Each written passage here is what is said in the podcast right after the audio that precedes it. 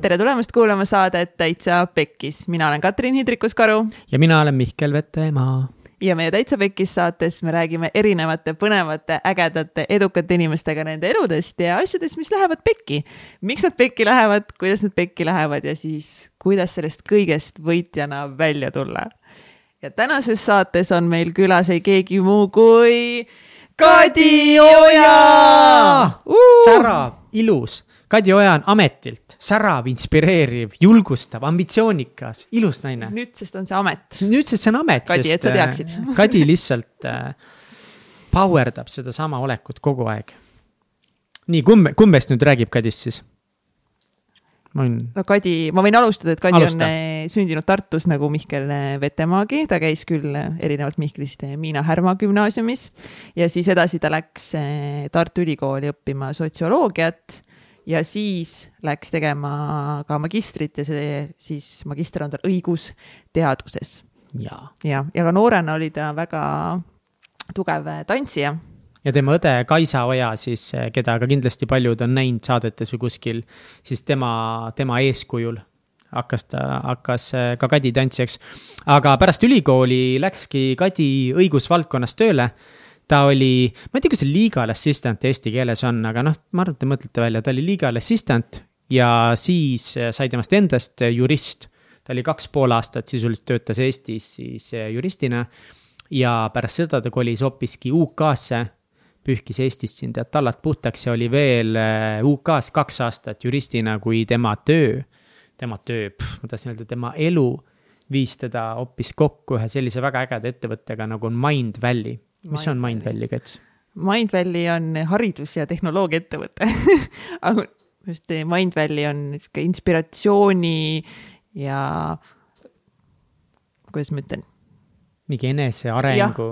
enesearengu just. Enesearengu ettevõte, ettevõte, kes korraldavadki erinevaid eh, koolitusi, seminare, neil on väga tugev jälgijaskond sotsiaalmeedias. Vision on selle juht kes siis õpetab ja harib inimesi, kuidas elada oma parimat elu. Mindvalley on väga-väga äge ettevõte. ja nad õpetavad ka ettevõtetele, kuidas luua tugevamat organisatsiooni kultuuri ja kõike muud. tõeliselt vinge ettevõte, tundub natukese crazy, veits nagu mingi kalt, noh aga kõige paremas mõttes. kõige paremas mõttes ja. igatahes siis, Kadi lendas sinna kohe laivi ja alustuseks ta oli siis jällegi nüüd on ingliskeelset terminit, sest see on ingliskeelne ettevõte, head of author relations ehk siis ta läks nagu autori osakonda, autorite osakonda ja ta oli siis seal head, head of author relations. pärast seda ta liikus edasi, oli director of events and legal advisor, ehk siis ta sai oma seda juura tausta ka Mindvalley's korralikult rakendada. ning tänasel päeval on ta siis väga ägedal kohal, director of Mindvalley University and jätkuvalt legal advisor. nii et ta on äh, suurt karjääri seal teinud, ta on seal seitse aastat äh, ja seitse kuud töötanud siis. jah, millest äh, kolm aastat siis Malaisias. just ja nüüd siis äh, teinud, toonud Eestisse väikse kontori ja siin toimetab edasi. ja ta on ise öelnud ka, et, et Mindvalley on justkui oleks tema enda ettevõte, et ta töötab seal nii suure kirega. ja see on nagu äge, kui saad kuskil töötada nii suure kirega, et sa tunned, et see oleks justkui sinu enda ettevõte. nii, aga samal ajal, kui sina seda kuulad, siis või vähemalt samal ajal, kui saade välja tuleb, mis nädal meil on?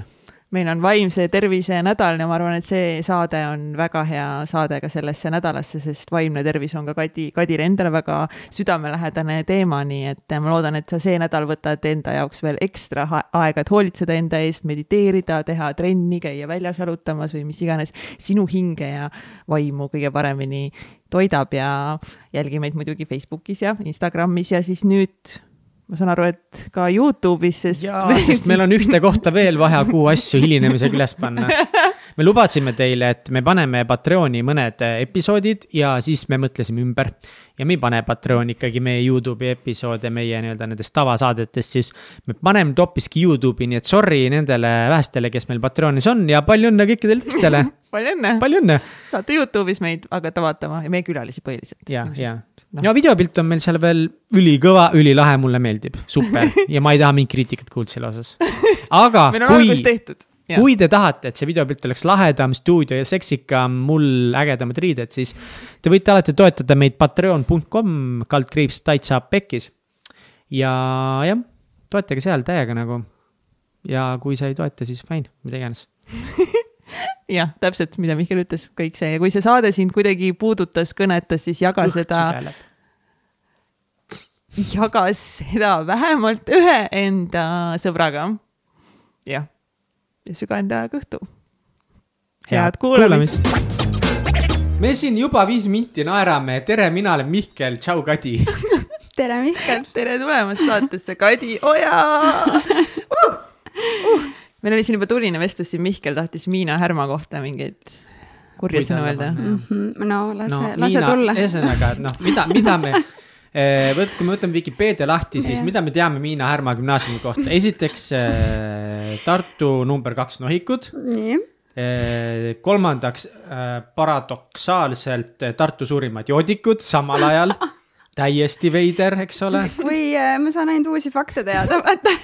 tänan info jagamise eest no,. ma ei tea, kas ma kuulun äh, kumbagi sinna gruppidest, mida sa just mainisid, kahtlustan, et äh, ei. väga veider just nagu minu arust Miina Härma gümnaasiumi omad nagu need uudistes, kui mingi pidu läks halvasti, siis minu arust Miina Härma gümnaasiumist. võib-olla sellel ajal, kui see pidutsemine käis, siis ma olin sinna rohkem nohikute poole, et äh, ma sinna pidudele nii väga ei jõudnud. No minu see nii-öelda need faktid võivad olla seotud selle asjaoluga, et kui ma käisin Miina Härma gümnaasiumi katsetel, siis ma vaatasin seda matemaatikaleht ja ma jätsin selle tühjaks. aga ma inglise keele osas oskasin kir midagi kirjutada Tubli, sinna. Aga see mingil põhjusel ei jõudnud siis ikkagi sinna nohikute ja, ja alkoholilembeliste inimeste, sekka. mind ei võetud sinna, ma ei tahtnud, mis muidugi asja see ei oleks sinu. tegelikult ma läksin gümnaasiumi katsetama ainult sellepärast, see oli mu ema sundival äh, nõudmisel. sest ma olin täiesti veendunud, ma ei saa ühtegi teisse gümnaasiumist sisse peale äh, Forseliuse gümnaasiumi, kus ma juba olin esimesest klassist mm -hmm. peale käinud, et mul oli no koht soojas juba põhimõtteliselt. Kõik oli räägitud ja, aga ma tahtsin saada ühte teisse kooli, mis sinna, Itspool oli kommertsgümnaasium, mul paljud sõbrad olid seal, no sinna ma ei saanud, liiga keeruline oli ja siis ema ütles, et sa pead minema, aga tead, ta teadis ka, et ma ei saa sinna sisse. aga ta karistuseks, sest ma olin sihuke lodru üheksandas klassis, ta ütles, et nüüd sa pead minema ja aru saama, kui rumal sa umbes oled. et pärast saaks öelda, et Jah. eh, no näed, Et nii juhtub, kui ei õpi aru. korralikult esimesed üheksa aastat, on ju. ja ma Aga- jätkan seda monoloogi veel sellega, ma räägin nüüd teile, kuidas mul läks Treffneri katsed.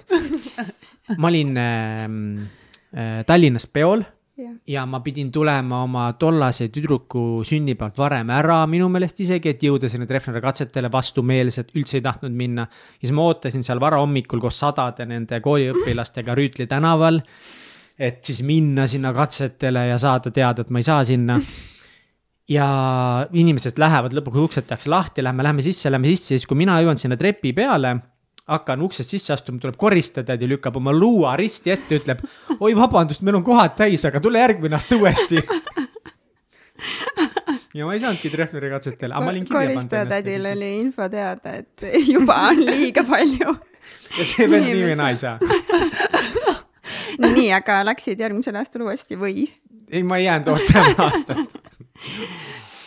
oh my god, jah, Tartu. Tartu Tartu ja ma ei olnud ja ainus siis. sa jäid sinna kooli, ma saan aru, kus sul oli koht soojas jah, jäin Tartu Forseli gümnaasiumisse. mm.. aga läks hästi ju sellega. oma keskkond, turvaline, Oh, hea jätkata. tead, see on, ütleme nii, et tegelikult oli tore, oli hea jätkata, ma ei ole nagu väga rahul selle kooliga võib-olla, okei ma arvan, et, ma arvan, et igal koolil on, okay., et saadi aru, et ei ole nagu mõtet ma arvan, et igal koolil omad eh, head ja vead. mm. -hmm. ta oli kunagi hea kirjanduskool, aga need olid teised ajad.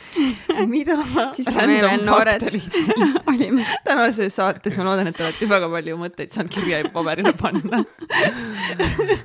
Notes'id on juba nagu lihtsalt, ärge lihtsalt pritsige rohkem kuldane ja jätame selle. kolm sammu eduni on praegu juba teada. ja Kadi Ohest juba teate ka kõiki läheb pärast seda saadet. Kadi, kuidas läheb? väga hästi läheb, ma tänan küsimast. aitäh, et sa saatesse me tulid keset laupäeva niimoodi. aitäh kutsumast, tore olla Jah. siin. kuulajatele teadmiseks siis, et täna, kui me seda saadet salvestame, on viies eh, september. ja Kadi arvas, et eh, talv on õues, ta pani hästi soojalt ennast riidesse, kasukad, värgid, särgid. Mul siis- on äh, üldse natuke, mul on hästi selline sügise meeleolu kuidagi, ma tunnen, ma lähen uuesti justkui kooli, et äh, kusjuures mul on puhkus veel sellel nädalal. siis ma tunnen, mul ei alanud see esimese septembriga, vaid algab nüüd äh, seitsmendaga see koolimineku aeg uuesti esmaspäevast, et et äh, selline kuidagi uue alguse tunne on kõik on uus Mhm. septembrikuus, mm. kas see on, -hmm. on mis on tegelikult on teema? sageli mul esimene september on olnud pigem selline nagu uue aasta alustamise aeg. Tunne on selline, et äh, mitte võib-olla isegi nii väga esimene jaanuar, aga just kuidagi septembris aga mis siis see, mis siis see september uut, uut toob Kadile hmm,? hea küsimus hmm.? Ähm, tead, see tegelikult ongi hetkel äh, selline väljaselgitamise protsess ja aeg, kus äh, tundub, et selguvad mõned uued suunad ja mis on ees ootamas, et ma olen vist käinud natukene siin ringi sellise võib-olla nähtamatu sildiga, ka õigetele inimestele nähtava sildiga otsa ees, et, et avatud uutele pakkumistele, nii et äh, on kuidagi jõudnud viimasel ajal minuni väga mitmed põnevad koostöövõimalused, mida ma hetkel väga kaalun, nii et äh, on veel natuke õhus, seega võib-olla päris konkreetselt ei tahakski veel rääkida, aga kas sa oled Mindwellist ära? ei ei, ei hetkel ei, ei plaani minna ära Mindwellist mm. -hmm.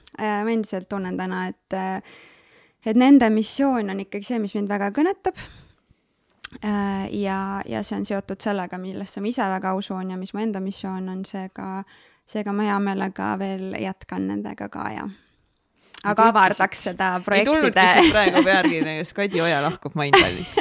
see on üks nendest ettevõtetest, kus on nagu vahepeal raske uskuda või noh, jah, natuke see mulle tundub nagu võõras, raske uskuda, et, et keegi nagu eestlastest töötab seal et see on nagu see kuskil mingi kauge, kuulus, rahvusvaheline uhke asi ja siis Kati töötab seal.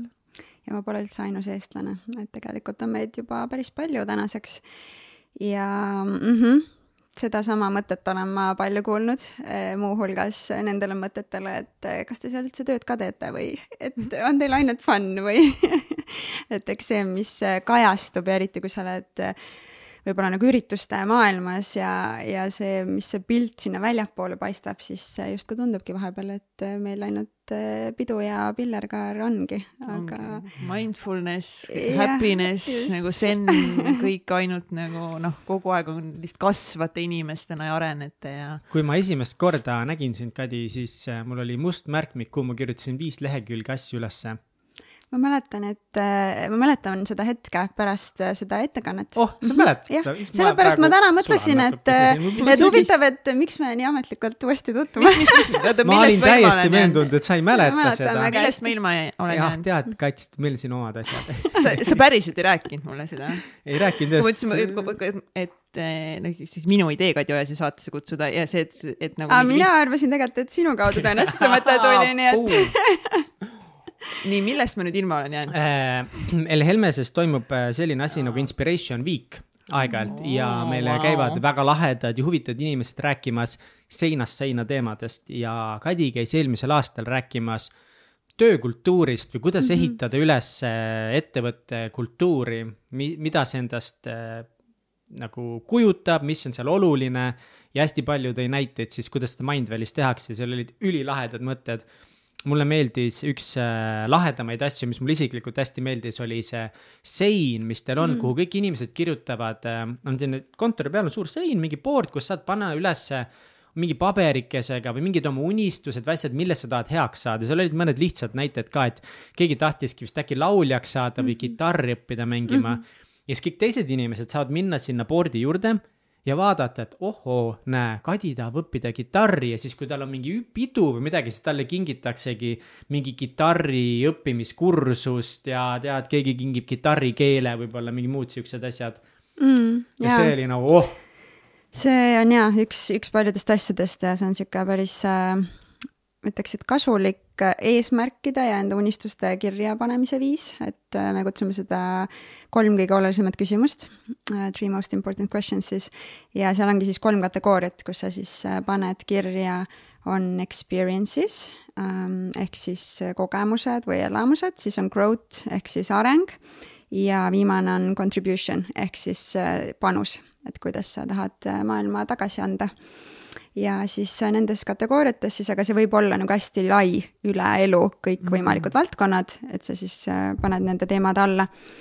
ja, ja siis jah, need on seal sellisel board'il üleval ja teistel töötajatel on võimalus käia vaadata, saada inspireeritud teiste unistustest ja mõtetest ja samas ka tõesti siis kedagi üllatada, et kui sa tahad kedagi toetada tema unistuste täideviimise, siis sa näiteks lähedki vaatad seal nagu öeldud, et no. vaata, et keegi tahtis kitarri õppida, siis äh, võib-olla kingid talle kitarri, ma ei tea, õppimise eratunni või midagi sellist. mis sinu unistus seal board'i peal on?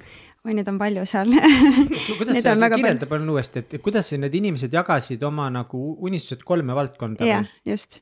kolm nagu põhisuunda siis on need äh, experiences, kogemused, kus sa siis kirjeldad, mida sa põhimõtteliselt tahad oma elus kogeda, aga sa laiendad seda erinevatele valdkondadele oma elus, näiteks siis, et võtame mm, lähisuhted või sinu karjäär näiteks või mm, ma ei tea, sotsiaalsed, sotsiaalsed elamused, kogemused, suhted, et nende asjisse võid veel nagu laiendada ja siis on teine valdkond on growth, mis on areng. seal see siis ütleme, põhifookus tavaliselt ikkagi läheb sinna, et kuidas sa tahad oma võib-olla nagu õppimisalases elus areneda, kuidas sa tahad karjääri teha, kuhu sa tahad jõuda ja siis viimane on siis contribution, et kuidas sa näed, et sina saad kõige paremini maailmale tagasi anda või mis on see sinu isiklik missioon nii-öelda Mm -hmm. mul just praegu ei ole seda musta märkmikku kaasas, ma just olin nagu praegu, et oh, ma võtan selle märkmiku välja, sest ma saan ju lugeda need lahed asjad, mis üles kirjutasin.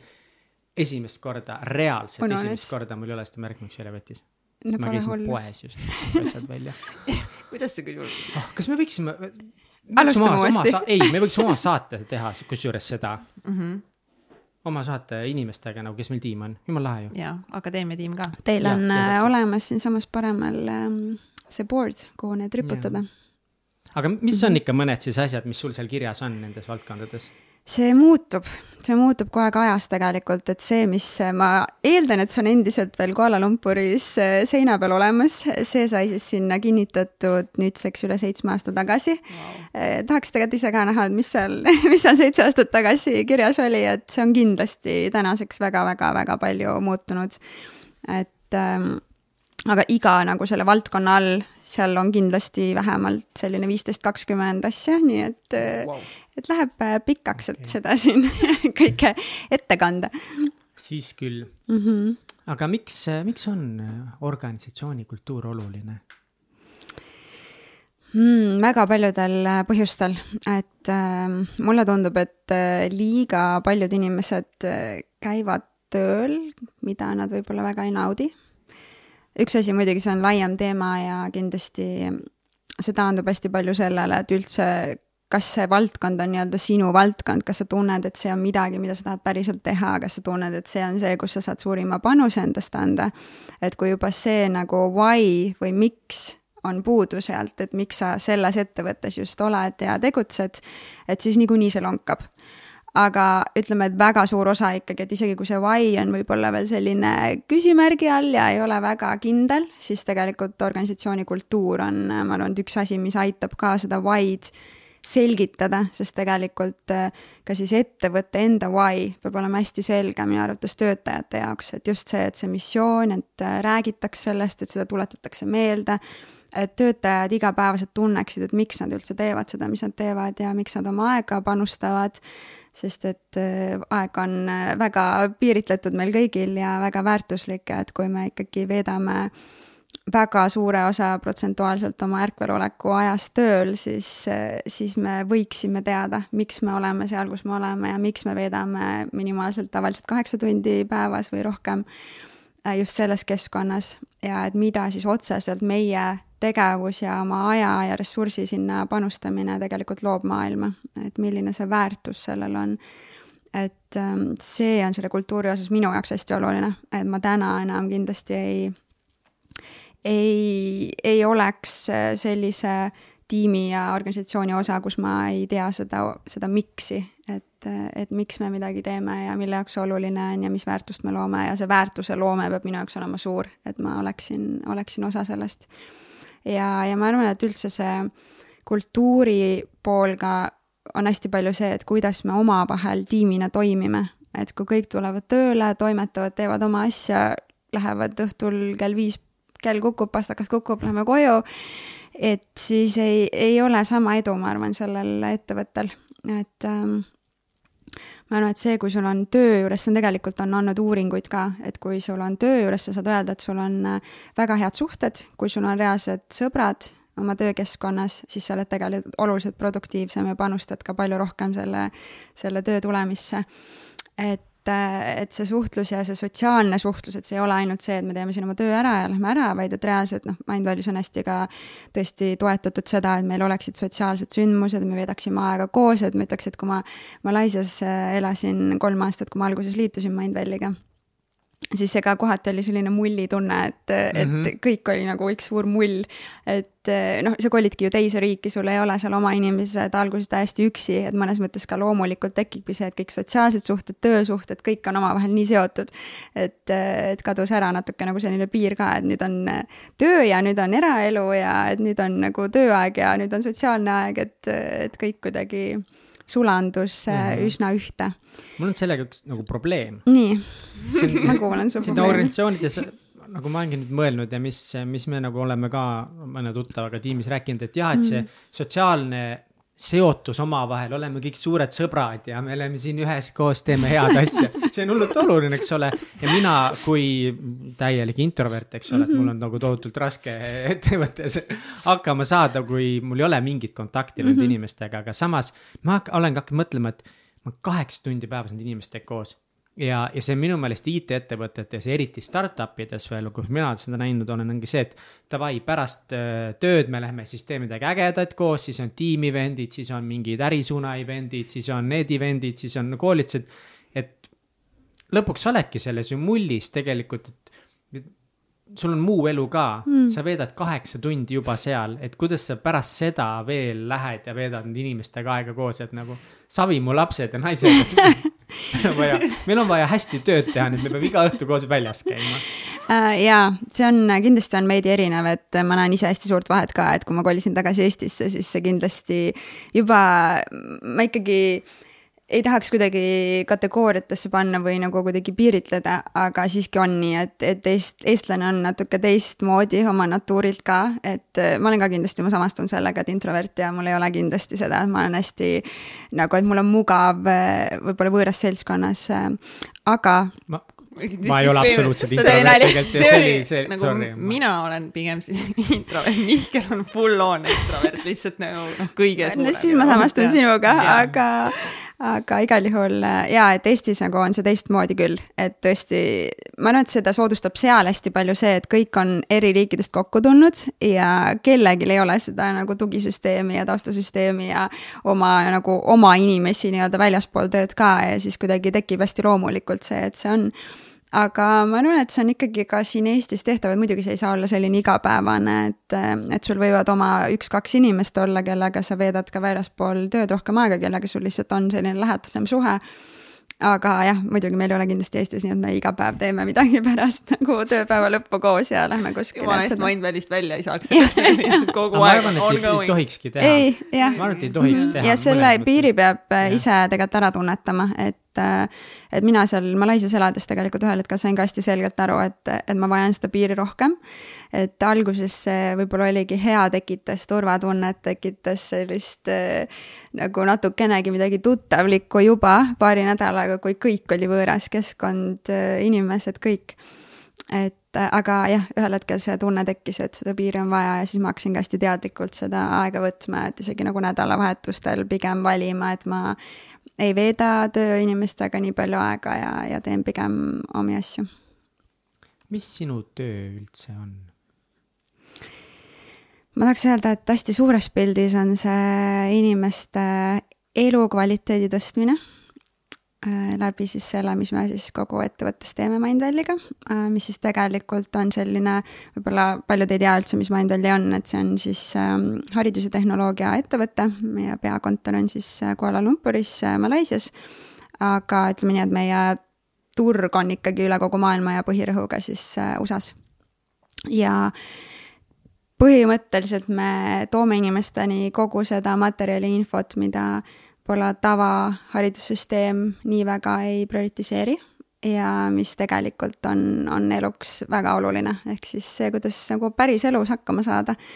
et et, et me siis publitseerime erinevaid äh, kursusi erinevate ekspertide poolt, kes on siis oma valdkonnas äh, juba pigem ikkagi kusagil nagu esindatud olnud ja neil on bestselling äh, raamatud või siis jah, nad on andnud välja siis teatud infokogumeid. ja, ja siis lisaks sellele on meil ka veel meditatsiooni äpp ja need valdkonnad on tõesti hästi laiad, et see võib olla, see võib olla näiteks äh, ettevõtlusest kuni nagu meditatsioonini, et selles mõttes kõik, mis sinna vahele jääb ka. kas te olete nagu koolitusettevõte siis või? Mingil määral võib nii öelda ka. Äh, see meditatsiooni äpi ja. nimi on Omvana. seda ma isegi ei teadnud. Vana. Omvana mm. -hmm, just. Omvana, get in flow oo oh,, ja ongi Mindvalley logosid, mulle endale meeldib Headspace väga, väga suur Headspace'i mm -hmm. no ja neid äppe täna on ikka päris palju valikus, et päris keeruline on, on ju leida enda jaoks, mis sobib, et ma ise ka katsetan erinevaid ja vaatan, mis parasjagu kõnetab aga kas me peaksime rääkima sinu teekonnast üldse? ärme sellest kindlasti räägi. ärme see, ärme nagu Kadist endast midagi räägi, räägime ainult nagu Mindvalley'st ja nende asjadest, mis on ka nagu kõik jumala põnev, aga ma arvan, et et Kadi lugu on väga inspireeriv ja võiksime sinna aegade algusesse tagasi minna. Läheme. äkki sa räägid, milline su, milline su lapsepõlv üldse oli mm? -hmm. millega sa tegelesid? Esimese mõttena ma ütleks, et äh, lapsepõlv üldiselt oli hästi, hästi ilus. et ma olen tõesti hästi võib-olla nagu õnnistatud olnud sellega, et mul on tõesti väga imeline perekond ja hästi nagu lähedased suhted oma perekonnas olnud, et mul on õde, kes on minust natuke alla kahe aasta vanem. Ja, ja no tema on vist olnud, ma arvan, sellest hetkest, kui ma silmad lahti nagu välja tulin siia maailma, siis ma arvan, et sellest hetkest ta vist sai mu iidoliks, nii et et temaga ja ma olen hästi-hästi lähedases suhtes olnud ja samamoodi oma vanematega ka, et ähm, tõesti nagu väga lähedane ja, ja selles mõttes mul lapsepõlvest ongi väga nagu soojad, soojad ja head äh, mälestused, et äh, mul on tunne, et meie vanemad tõesti nagu andsid endast kõik, et, et meil oleks see hästi ilus lapsepõlv ja et ma täna saaksin täpselt nii tunda, nagu ma tunnen oma lapsepõlve suhtes. et see, see pool oli hästi-hästi-hästi ilus tõesti Äh, nagu ikka elus on, kõik on tasakaalus, kunagi ei ole, et kõik on ainult äh, roosa mannavaht, vaid äh, on ka mõni tumedam, tumedam hetk seal sees. siis ähm, jah, seal lapsepõlves käib kaasas ka selline mm, üsna nagu konfliktne aeg minu jaoks, et äh, ma olin hästi pisike, kui ma alustasin nelja-aastaselt, kuna ma pidin kõike tegema nii, nagu minu suurem õde tegi. miks, miks? Kaisa, just. miks sa tahtsid kõike teha nii, nagu Kaisa tegi? ma vist nii väga nagu ikkagi nagu imetasin teda kui suuremat õde ja, ja vaatasin, et ta on nii nagu äge ja tubli ja ta teeb kõike nii hästi ja lihtsalt ma ei tea, ta inspireeris vist mind nii väga ja see on, ma arvan, et see on natuke nagu loomulik ka, et see väiksemate, väiksemate laste asi, et tahavad oma suuremate vendade-õdede moodi olla. Ja siis äh, tegelikult oligi, et ma vist suhteliselt nagu kuidagi loomulikult nagu, et järgnesin talle või et noh, lasteaeda ikka pandi samasse lasteaeda, on ju, kooli samasse kooli ja noh, see tantsutrenn tekkis varem. ja siis ma tahtsin ka sinna nii väga minna, kui tema läks aga sellega oli niimoodi, et ma tõesti ise tundsin, et see on nii minu asi ja ma nii väga nautisin seda tantsimist. et äh, ma arvan, ma olin vist äkki kõige noorem, kui ma sinna rühma läksin, et keegi ei alustanud nelja-aastaselt ja nagu teada on, siis võistlustants käib ikkagi baaris, aga minul veel partnerit alguses isegi vist anda ei olnud, nii et ma keksisin seal põhimõtteliselt üksinda. aga soov oli nii suur, et, et see mind ei morjendanud, et ma olin väga rõõmus, et ma sain kasvõi üksi seal käia ja siis sellest kujunes tegelikult suhteliselt nagu märkamatult täiesti, ma arvan, et minu nagu elu kese päris pikkadeks aastateks, kaheksa aastat. Äh, et kõik õhtud möödusid trennis, kõik nädalavahetused möödusid kas võistlustel või siis eratundides ja mööda siis Eestit või ka mõned nagu välisreisid äh, ringi reisides. ja tegelikult terve meie pere elas ja hingas selles rütmis, kuna nii õde ja mina tegelesime, siis äh, reaalselt vanemate graafik käis meie tantsude järgi, et selles mõttes nad olid nii pühendunud sellele. aga selle võib-olla, võib-olla see nagu see pimestav külg selles, et ma nii väga nautisin seda ja see oli nii minu asi et see võib-olla nagu ei andnud mulle isegi võimalust nagu võib-olla adekvaatselt näha seda nagu teist poolt, mis äh, oli selline nagu lihtsalt väga karm maailm, nagu väga-väga karm maailm, mis tegelikult üldse ei soodustanud äh, kuidagi seda, et ma õpiksin selle kaudu iseenda nagu väärtusest aru saama, iseennast adekvaatselt analüüsima ja, ja iseennast nagu pigem kiitma, kui et laitma ja nägema neid häid asju vastandina siis nendele negatiivsetele või kogu aeg sellele keskenduma, et mis on nagu puudu või mida peaks ikka teisiti ja paremini tegema. et see maailm tegelikult ähm, lõppkokkuvõttes ma ütleks, et jäi, jäi võib-olla nagu domineerima, see raske pool sellest. no mis sellest siis ikkagi oli raske, mis see karm oli?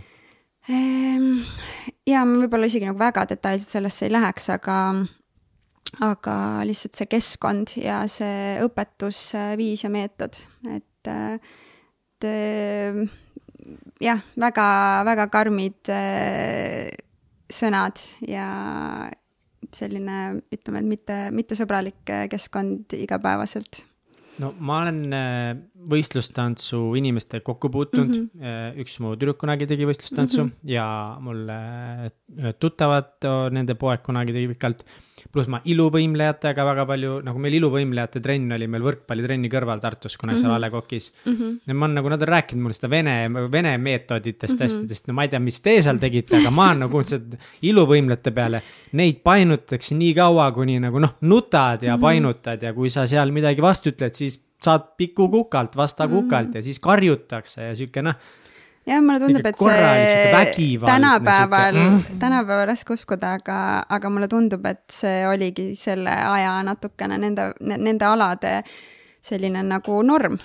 või et see oligi mm. okei okay. ja, ja kindlasti nagu kõigile see ei jäta ju ühtemoodi jälge, et on inimesi, kes suudavad seda hoopis nagu teistmoodi näha ja ja, ja kindlasti sõltus ka palju vanusest, et kui sa oled nii, nii, nii väike, siis tegelikult sul puudub igasugune oskus äh, ise nagu analüüsida kõrvalt ja mõelda, et äh, kas see ikkagi on adekvaatne, kuidas iga päev keegi ütleb, et, et ma olen täiesti nagu mõttetu, saamatu noh, nagu ütleme, minu, minu väljenduses ei ole nagu neid äh, termineid, mis seal kõik kasutuses olid, aga aga jaa, et kui see kestab selline seitse-kaheksa aastat ja väga äh, sellises eas, kus me oleme täiesti nagu arenguetapis, me kujuneme kellekski inimesena, siis ähm,, siis paratamatult see mõjutab äh, väga palju. kuidas see mõjutas sind, mis jälje see sulle jättis mm., kuidas see, mis see nagu järgnevatel aastatel, kuidas sa kandsid kaasas endaga mm. seda? ma sain sellest tegelikult aru, ma arvan, alles nagu täiskasvanuna, mis jälje see päriselt jät-, jättis, et tegelikult äh, siis, kui ma tantsimise ära lõpetasin äh,, siis ma olin äkki vist äh, kaksteist, kuna minu tantsupartner lõpetas ära ja mul oli põlvevigastus, ma pidin operatsioonile minema, siis ma ei saanud tükk aega tantsida, ühesõnaga kõik asjad ja ma lõpuks nagu ise vist lõpuks julgesin endale öelda ka, et see ei ole okei okay,, et ma ei tunne ju ennast hästi selles keskkonnas ja et ma lähen trenni hirmuga, mitte naudinguga ja nagu kunagi ei tea, et kas, mis sealt siis nagu täna tuleb, et kas sa tuled pisarates koju või sa tuled rõõmsana koju et sellist hästi palju ebastabiilset ja emotsionaalset natuke karusselli. ja, ja ma arvan, et sealt algselt, mis ma võtsin sellest kaasa, oli pigem nagu see pidev enda nagu sihuke survestamine, et nagu veel ja veel ja veel ja mis järgmiseks ja mingid kogu aeg nagu uued eesmärgid ja ja et nagu ükski saavutus justkui tegelikult ei olnud piisav, et ma iga kord lootsin, et nii, nüüd kui ma selle asja ära teen, siis, noh, siis ma olen lõpuks rahul, siis on kõik hästi aga kuidagi iga korraga järjest rohkem ma sain selle tõestuse, et tegelikult äh, see tunne oli hoopis nagu sihuke tühi tunne ja pigem, pigem oli kohe seal edasi küsimus, et aga, et see ei olnudki ju midagi, et mis edasi nagu, mis järgmiseks nagu, et noh, sa saad ju, nagu, et sa suudad rohkemat, et see oli mingi väike asi, on ju. Et ma tegelikult, see oli selline nagu lõputu spiraal ja ma saingi aru, et tegelikult lihtsalt ükskõik, mida ma teen, ükskõik mis eesmärgid ma paneksin ja neid täidaksin, et ma ei ole, ma ei ole päeva lõpuks rahul et, et ma võtsin nagu, ma arvan, kaasa selle tohutu nagu enda tagant äh, nagu utsitamise, mis mõnes mõttes on ülihea asi, ma arvan, et ma olen ka nagu elus noh, teatud võib-olla asju teinud just täpselt selle pärast ja täna ma vaatan mm -hmm. kogu sellele etapile niikuinii nagu selles mõttes väga nagu suure tänutundega tagasi, sest ma tean, kui palju see ka andis mulle ja tegelikult see aitas ju teha minust selle inimese, kes ma täna olen. Ja et see on nagu hästi palju pannud mind analüüsima, iseenda sisse vaatama, väga suure töö iseendaga ära tegema, mida võib-olla kunagi poleks minu elus olnud, kui ma poleks, poleks siis sellises keskkonnas nii pikalt olnud ja jõudnud kohta, kus tegelikult ma ei uskunud iseendasse, ma ei, ei äh, ei näinud nagu seda väärtust endas, et ma pigem püüdsin kogu aeg nagu millegi välise kaudu seda väärtust endale nagu siis juurde saada, aga, aga sisemiselt see, see puudus. aga kas, kas te Kaisaga kuidagi nagu väljapoole nagu kodus ei, ei kommunikeerinud mm -hmm. seda või, või ei rääkinud mm, -hmm. et nagu meil nagu trennides nagu võib-olla ei ole nagu kõige mm. turvalisem keskkond, kas või see tuli üldse jutuks või pigem mitte? tagasi mõelnud selle peale, sest et see pool kuidagi äh, ega väga, ma et nagu suhteliselt selektiivne mälu on ka nende aegade osas olnud, et kui sa oled lapsena nagu kogenud midagi sellist võib-olla traumaatilist, et kindlasti see on nagu täispilti andnud sellest, et ma arvan, et koju paistis pigem ikkagi see, kui väga me mõlemad nautisime seda, kui väga me tahtsime seda teha ja me tõesti nagu noh, kõik tiirles selle ümber ja, ja kuidagi vanemate jaoks oligi, nägid, et me nii väga tahame nemad toetasid meie nagu unistust ja meil mõlemal noh, läks ka väga hästi tantsumaailmas, et me olime pigem ikkagi väga edukad. et siis milline vanem ei tahaks, et, et tema laps oleks edukas ja, ja teeks asja, mis talle meeldib, on ju et äh, muidugi seal olid lõpuks hetked, kus no, vahe on ka kindlasti selles, et kuna minu õde oli, noh, enamus sellest ajast oli ta siis vanematega nagu grupis kui mina algselt küll me olime ka või vahepeal me olime ka seal vanemate grupis, kuna meil läks partneriga lihtsalt nii hästi, siis äh, me laagrites käisime näiteks koos vanemate grupiga, mitte noorematega. et ähm, siis seal nagu seda nii palju ka ei olnud sellist, äh, sellist nagu võib-olla natukene nagu sellist äh, terrorit, ütleme nii mm. -hmm. et seda oli seal ka kindlasti vähem, et ma olen õega sellest päris palju rääkinud täiskasvanuna ja, ja ta on ka hästi teistmoodi natuur, et tema jaoks ei ole nagu need mälestused nii, nii siis võib-olla nagu teda kujundavad olnud, kui mm, -hmm. kui need olid minu jaoks sinu, sinu jaoks siis nii-öelda see, et kui keegi ütleb sulle, et sa ei ole midagi väärt ja sa oled mõttetu, et noh, kurat, sa ei saa hakkama, et siis sa pigem nagu mingi osa sinust, see siis printis sinu alateadvusse kuskile, et, et mm. ma olen mm. suht mõttetu ja kas sealt siis tuligi see, et sul oli tohutult vaja neid uuemaid eesmärke panna mm., tunda, et tegelikult sa ei ole mõttetu, et sa oled väärt midagi mm., aga, aga iga kord, kui selle eesmärgi saavutasid, siis sa ei tundnud midagi? Mm. Ja ma arvan, et asi oli ajas, et kui see kestab nii pikka aega ja kuigi, nagu ma enne ütlesin, nagu kodune keskkond lapsepõlves oli täiesti nagu ideaalne keskkond, kus olla, siis noh, ikka, elus on ka ju niimoodi tegelikult, et, et me sageli ikkagi me isegi ei vali, aga meie alateadvusesse jääb meelde rohkem see, mis on negatiivne, mis on traumeeriv, mis on kuidagi nagu raskesti äh, raskesti seeditav emotsionaalselt, et siis, siis ka, et kui see kestab seitse aastat ja, ja see on igapäevane asi sisuliselt, siis noh, lõpuks väga raske on selles siis endale nagu vastupidist kogu aeg rääkida või, ja kui sa seda, kui sul ei ole nagu neid oskusi ja teadmisi, noh, mis minu jaoks nagu tä-, täna ongi nii südameasi, et ma nii väga tahaks, et me õpetaksime väiksest peale ähm, lastele seda, kuidas üldse oma emotsioonidega, põhimõtteliselt see taandub nagu emotsionaalsele intelligentsusele, aga et, et kuidas me mõistame enda emotsioone, kuidas me mõistame teiste emotsioone, kuidas eristada seda informatsiooni, mis väljast tuleb, kuidas me suhtleme teiste inimestega, kuidas kehtestada piire. et ma arvan, et sellised nagu teadmised ja oskused tegelikult aitaksid nii palju ära hoida seda, et äh, inimesed äh, päris palju tegelevad sellega, mis neile on nagu sisse kodeeritud kellegi väljaspoolsest tegelikust mm -hmm. ütlemisest või tagasisidest, et äh, me lihtsalt ei oska, ei oska seda eristada ära ja aru saada, et see ju ei defineeri seda, kes ma tegelikult olen, et kui keegi mhm. arvab, et see on tema arvamus ja ja noh, täna ma tean väga selgelt ka, et see oli lihtsalt ainus viis, kuidas treener oskas sellel hetkel motiveerida tema ju tegelikult soovis ka seda, et meil läheks hästi ja et me mm -hmm. tuleksime Eesti, ma ei tea, tippu ja maailma, Euroopa tippu ja mis iganes. et äh, lihtsalt äh, tema, ütleme, et piiratud arusaamine, kuidas seda edasi anda. aga sa too, too ju lapsena, sa vist isegi ei saanud ju aru, et et oleks nagu nii vale või kuidagi, et see oligi nagu normaalsus mm. sinu jaoks tõenäoliselt ju? või ma olin endale lihtsalt öelnud, et see on normaalsus mm, -hmm. sest et eh, noh, emotsionaalselt ma ju mõtlen seda tagasi, siis see ei saanud tunduda normaalne, et kui ma pidevalt elasin tegelikult nagu suhteliselt hirmus sinna trenni minna ja, või et ma tulin ära nuttes sealt, on ju, et, eh, et noh, niimoodi mõeldes asi on normaalsusest väga kaugel. aga, aga ma arvan, et ma enda jaoks olingi justkui öelnud, et ei, aga nii see käibki, et see käibki eduga kaasas, et mm, -hmm. et mhm. edul on natuke selline valuhind ja et see on okei okay mingil määral on igal edul see valuhind juures.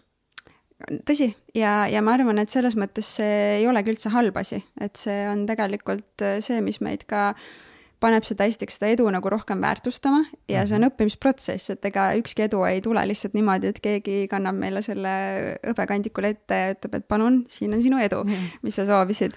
et, äh, et igal juhul igas edus on oma jah, aga kui nagu me räägime kõigest nii, nii noorest mm -hmm. lapsest ja mm, -hmm. ja mhm. nagu treeneri käitumisest ja siis ma tean Netflixis ka hiljuti tuli mingi dokumentaal välja, eh, kus ka ma ei mäleta, mis täpselt, mis spordialaga, kus nagu siis eh, naisterahvad hiljem rääkisid mm -hmm. nagu mis, mismoodi treener oli neid nagu kohelnud nooremas eas et ei, ei julgetagi nagu kommunikeerida seda nagu väljapoole mm., et, et kui sa oled nagu noor laps ja sa ei, noh, sa ei oskagi nagu midagi teha ja vanemad ei teagi, et üldse nagu noh kas see on siis füüsiline või emotsionaalne, mis mm. vägivald, et see nagu tegelikult toimub üldse, et inimesed nagu ei teagi seda, ma loodan, et tänapäeval see nagu ma loodan ka väga, ma loodan ka väga, et see on arenenud, ma arvan, et tänapäeva maailmas lihtsalt see ei, ei saaks niimoodi jääda, et me oleme ikkagi no, oleneb, mis riigist me räägime. no jaa, selles osas sul on õigus tõesti, see sõltub.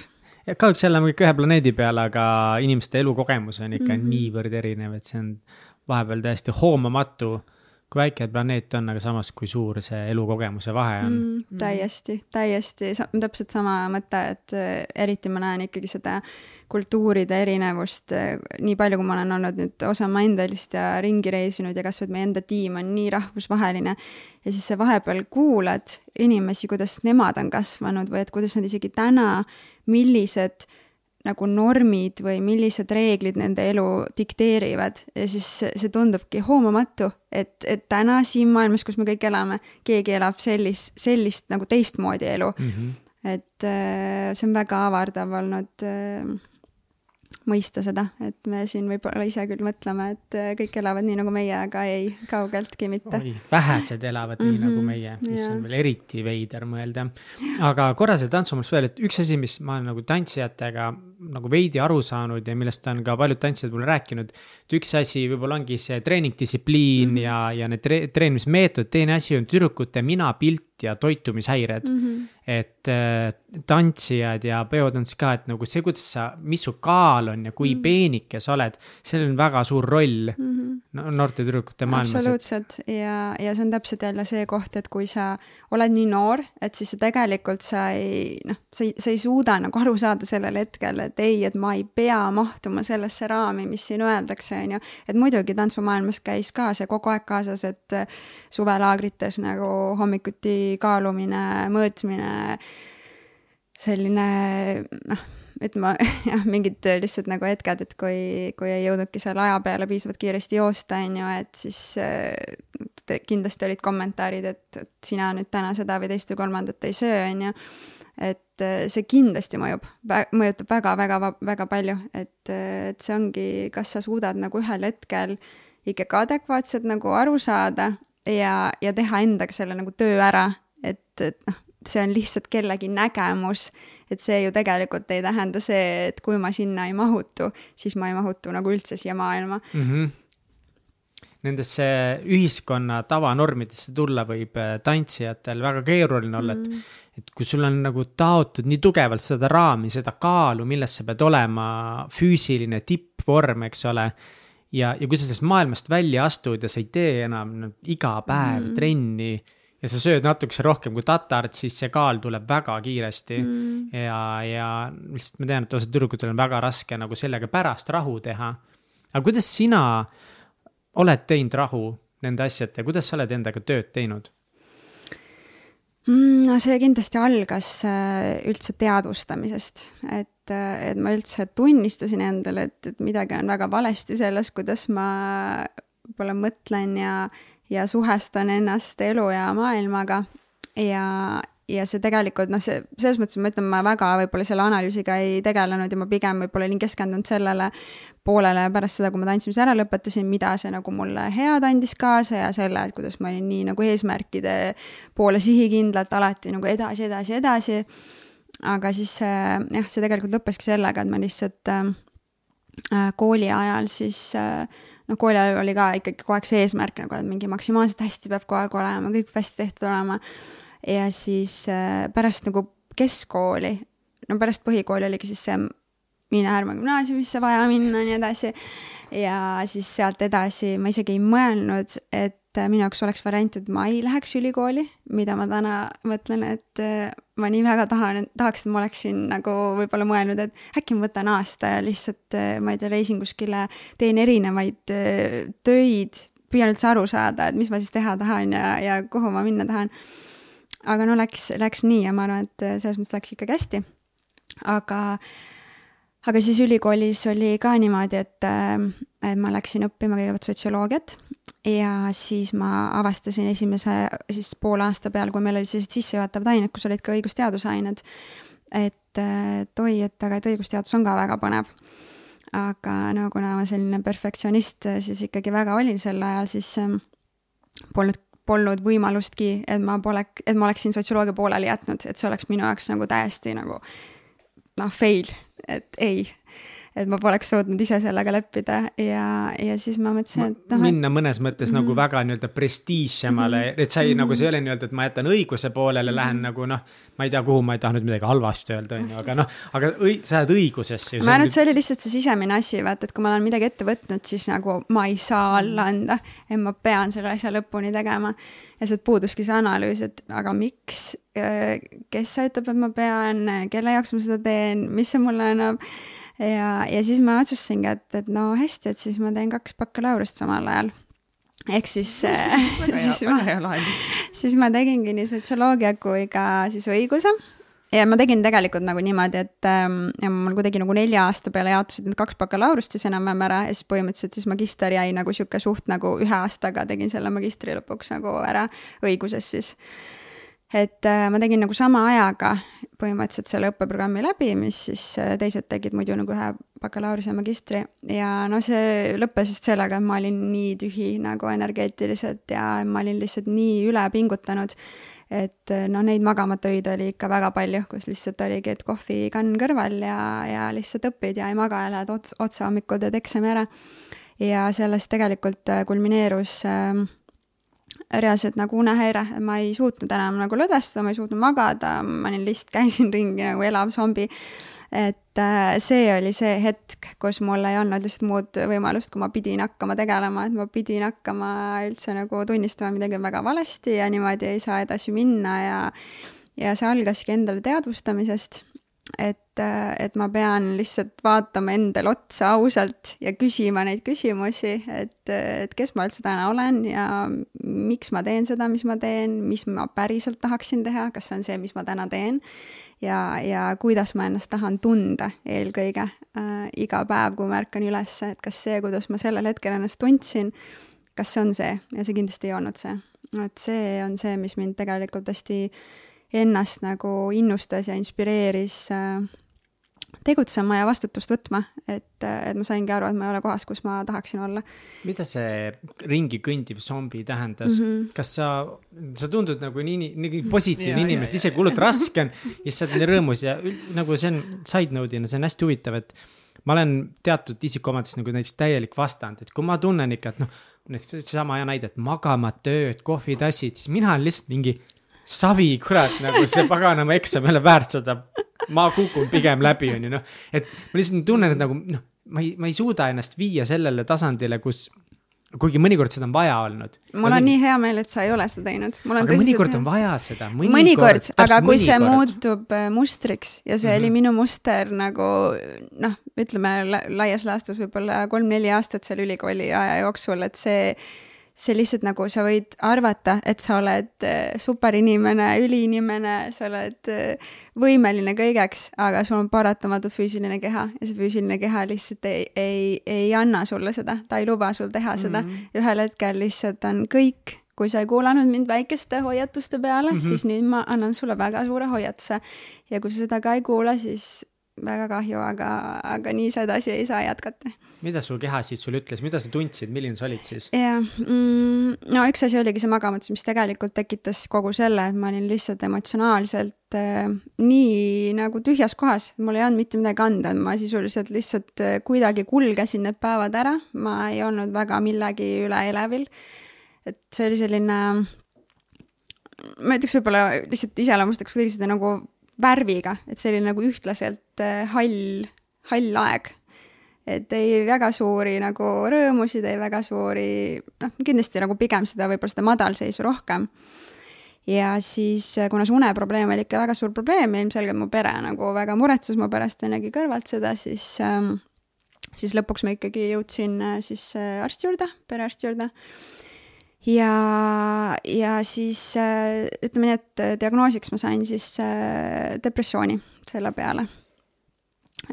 Mis noh, võib-olla tõesti nagu kõrvalt vaadates ja kõike seda nähes ja kuulates nagu, kus ma siis olin sellel hetkel, on ju, make sense, et üsna võib-olla loogiline järeldus ja aga tegelikult nagu tagantjärele või üldse, ma, see on ka jälle teema, mille osas ma nii, see on nii nagu minu südameasi, et mu süda vahepeal natuke valutab selle teema pärast, et äh, mis see teema see on, kui öeldakse inimestele? see kogu see vaimne heaolu ja vaimse tervise teema täna ja mm. -hmm. et äh, see olukord on väga-väga karm ja ja minu nagu enda isiklik missioon ongi see, et ma isegi kui see on nii-nii imeväike asi, mis ma saan ära teha, siis ma väga-väga tunnen, et ma tahan sellesse valdkonda panustada ja ja kuidagi aidata muuta seda trendi, mis praegu meil Maailma Tervishoiuorganisatsioon ennustab, et et aastaks kaks tuhat kolmkümmend on siis äh, kõik mentaalse tervise probleemid siis meie peamine elukadu põhjus maailmas ja täna juba noorte seas see nii on. Et see uh,, mul käib reaalselt iga kord endal kõhust läheb õõnsaks, kui ma selle peale mõtlen et äh, see on väga suur teema ja, ja, ja fakt on see, et me ei jõua kunagi täna sinna kohta, kus me suudaksime nagu seda ressurssi nii palju juurde tekitada, et me saaksime aidata neid abivajajaid. ehk siis tegelikult nagu ainus võimalus on see, et me tegeleme hästi palju praegu teadlikkusega, ennetamisega, räägime erinevatest võimalustest, avardame seda teemat.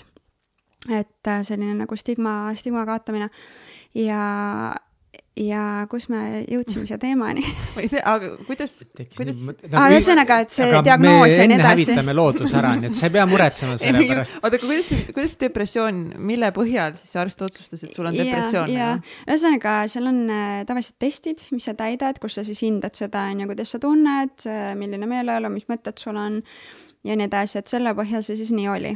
ja, ja noh, selles mõttes ei lükka ümber, ei väida, aga ma lihtsalt äh, kus ma tahtsingi vaata ennem jõuda, on see, et ma, et ma sooviksin nagu näha hästi palju seda, et me vaataksime palju rohkem asjade taha nagu, et kust midagi tuleb või miks ma, miks ma täna olen selles kohas, kus ma olen, miks ma tunnen üldse nii, sest et sageli on ju on need põhjused tegelikult muudetavad või me saame midagi ära teha selleks, et kui see on keskkond, mis sul hetkel ei sobi, kui see on sinu erialased valikud, sinu töö, mis mm, -hmm. mis tekitab sulle lihtsalt liiga palju stressi, sa ei suuda sellega toime tulla.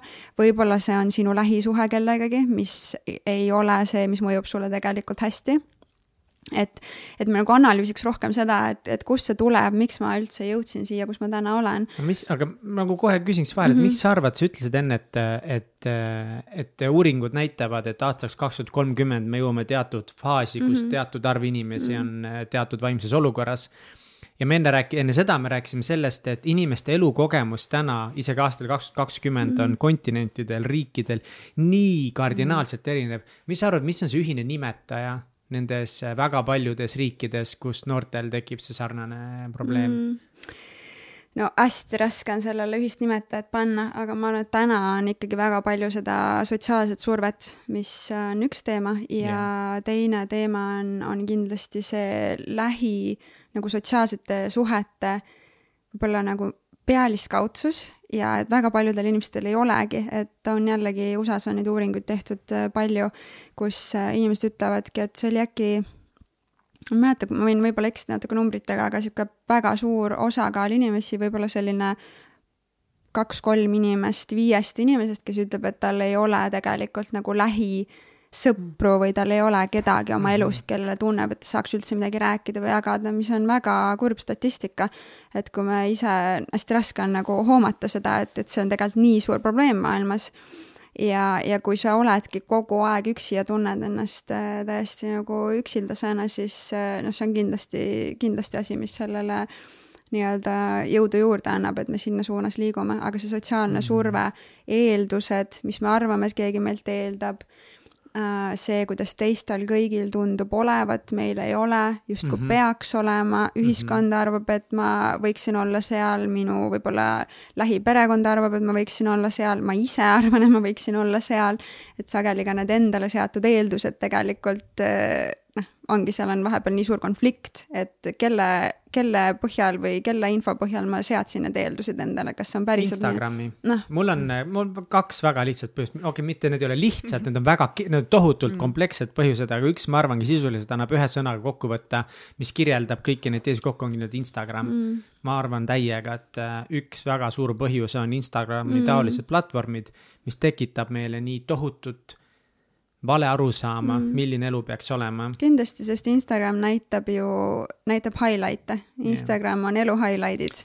tavaliselt aga mitte ainult nagu highlight'id, üks on see, mitte nagu tavalise inimeste highlight'id, mis on nagu täitsa hea point, ma olen sellega nagu nõus, aga ka Instagram toob meile natukese liiga lähedale mõnes mõttes liiga edukad inimesed mm., see on nagu paradoksaalne, et tegelikult on hea näha edukaid inimesi mm., sellepärast et noh, iga aasta me räägime seda, et see aasta on veel rohkem võimalusi kõike teha, jah, aga lõpuks on see, et kas sa pead tegelikult saama rikkaks või õnnelikuks mm. ja kui me vaatame statistikat ja uuringuid, siis rikkus harva võrdub õnnelikkus mm., aga teadmatus ja ignorantsus nagu selle osas, kuidas elab tegelikult mingi, ma ei tea, Steve Jobsi lapsed kuskil on ju, see tegelikult ei too kellelegi rõõmu ja teine põhjus on, on nüüd palju sügavam, selle tänase saate temaga, aga minu meelest sellepärast, et äh, äh, inimesed andnud ära liiga palju võimu nii-öelda riigile, kui kana- vanasti inimeste elu kontrollis pere. Mm.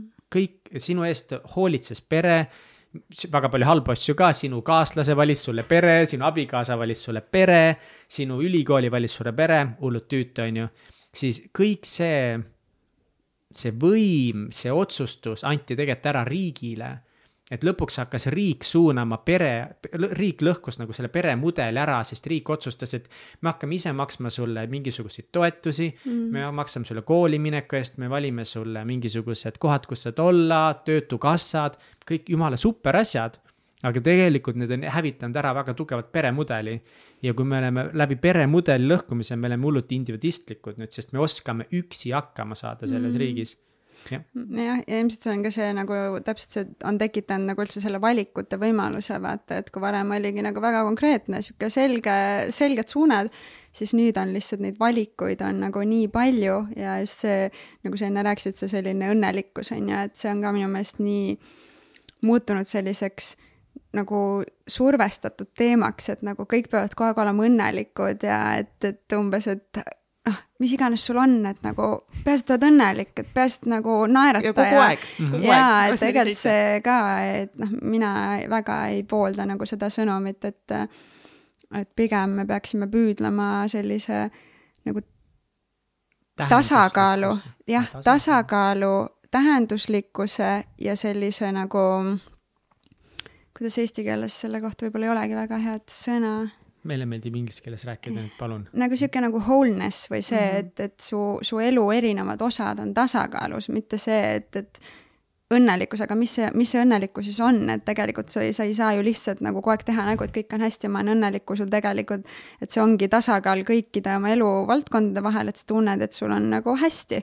Ja sa tead ka, kui kuskil ei ole hästi, siis sa tead, kuidas seda lahendada või seda paremaks teha ja see nagu teadlik olemine siis ilmselt ikkagi on see võtmesõna et sa oled teadlik ja, ja oskad ise oma elu juhtida ja, ja analüüsida ja no,. selles mõttes, et minu õnn ei ole nagu sinu mm Mhm. -hmm. õnn või nagu see nägemus mm Mhm. -hmm. sellest, et nagu mis üldse õnnelikkus nagu on no mis tekib jälle sealt sotsiaalmeedia kanalitest see, et me on ju. võrdleme kogu aeg nagu mina võrdlen ennast sinuga, sina võrdled kellegi Mhm. teisega või siis ma võrdlen iseennast mingi enda versiooniga Mm. et ma olin selles suhtes see onju, mul oli teises suhtes nii onju. Ma võrdlen mingit noh, mingit kogu aeg mingit ideaali või midagi muud ja ma ei olegi kunagi nagu rahul, mm,. täpselt. sest alati on nagu midagi kuskil puudu. ja, ja ma olen klassikaliselt täpselt samamoodi hädas sellega nagu kõik teised, nagu kõige lihtsamate asjadegi, et nagu mul ikka, ikka võiks olla see auto, mis kõigil teistel on nagu ja ikka võiks olla suurem kodu ikka nagu teistel on ja mul on täpselt samamoodi, aga sest on, see on nagu noh, teistpidi väga nagu inimlik tahta neid asju, mida sa tead, et teistel ju on. on, aga seal ongi küsimus, et kas see tekitab sulle hea tunde või mitte, vaata, et siis mm -hmm. Lihtsalt ma ise püüan praktiseerida seda, et ma küsin endalt hästi palju, et aga miks, et aga, aga miks sa tahad seda? Ja et kui ma saangi aru, et see miks seal taga on täiesti ebaloogiline, see ei ole isegi minuga seotud, see ongi lihtsalt see surve miks, mis tuleb sealt väljastpoolt, et keegi teine tahab, et ma võiksin seda tahta siis see kuidagi üsna lihtsasti kaob ära, aga kui see miks on tõesti see, et ma saan aru, et, et ma tahangi seda, ütleme konkreetset asja, ma ei tea, suuremat kodu, sest et ma tahan tunda ennast väga inspireerituna sellest keskkonnast, kus ma olen, minu jaoks on väga oluline, et minu ümber oleks ilus keskkond, siis see on see, mis minu jaoks loeb ja siis ma saan enda jaoks otsustada, et okei okay,, kui see on see, mis mõjutab seda, kuidas mina ennast igapäevaselt tunnen väga tugevalt, siis kuidas ma saan tegutseda selle suunas, et siis endale seda võimalust luua Mm -hmm. aga kui see on kellegi teise miks või lihtsalt väljastpoolt tulev miks, siis äh, õnneks seda on suht nagu lihtne niimoodi, et okei okay, las teistel olla, aga mul on hea meel nende üle ja kui neile see, see loob midagi ellu juurde, aga et mulle pole vaja, siis see on hea arusaam, kus olla, kas äh, nagu me juba saate alguses oleme aru saanud, sa ei ole alati niimoodi osanud mõelda, kuidas sa oled jõudnud selleni, see on me paljud saame sellest aru, et mm -hmm. ja tegelikult võib-olla see ei ole asi, mida ma hullult nagu tahan mm, -hmm. aga noh, me ei oska seda vastu võtta, ma ei oska lahti lasta sellest ja kuidas see teekond sinu jaoks on läinud? Ja ma saangi rääkida ainult enda eest, et Jaa, hästi ei, raske ära on palun ma püüan jah, täna sinu vaatekõrval. et äh, soovitusi ka on nii, et Mm, raske on öelda, on ju, et äh, räägin enda kogemusest ainult, et ähm, et no minu jaoks algaski kogu see teekond ikkagi sellest, et ma reaalselt küsisin endalt küsimusi, hästi põhjalikult olen üsna pikka aega ikkagi analüüsinud üldse nagu ennast kui inimest ja, ja kes ma olen ja mis mu väärtused on ja mis mu visioon on ja mis mu missioon on elus, et kuhu ma tahan jõuda ja mida teha. kuidas sa teed seda võib-olla, äkki sa oskad mm -hmm. kohe natukese ka lähemalt tuua mingeid näiteid, et võib-olla kuidas sa täna teed seda mm -hmm. või kuidas sa oled seda algust teinud? minu jaoks on hästi suur äh, abiline, võib nii öelda, olnud äh, kirjutamine.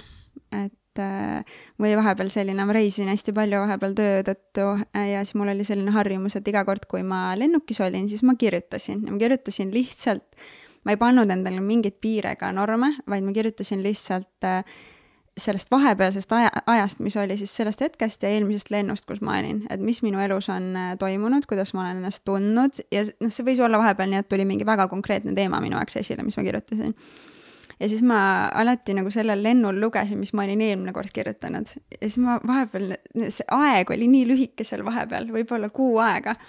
ja siis ma olin ise ka niimoodi, et hmm, Kadi kirjutas selle jah et nagu see oli hästi huvitav vaadata, kuidas, kuidas mingis hetkes sa võid tunda midagi nii tugevalt ja, ja vaadata seda pärast kõrvalt, et hmm, ja kus see nüüd nagu kuu aega juba nagu liikus sellest, et ma tegelikult selle üldse sinna paberile kirja panin ja endast nagu välja ütlesin.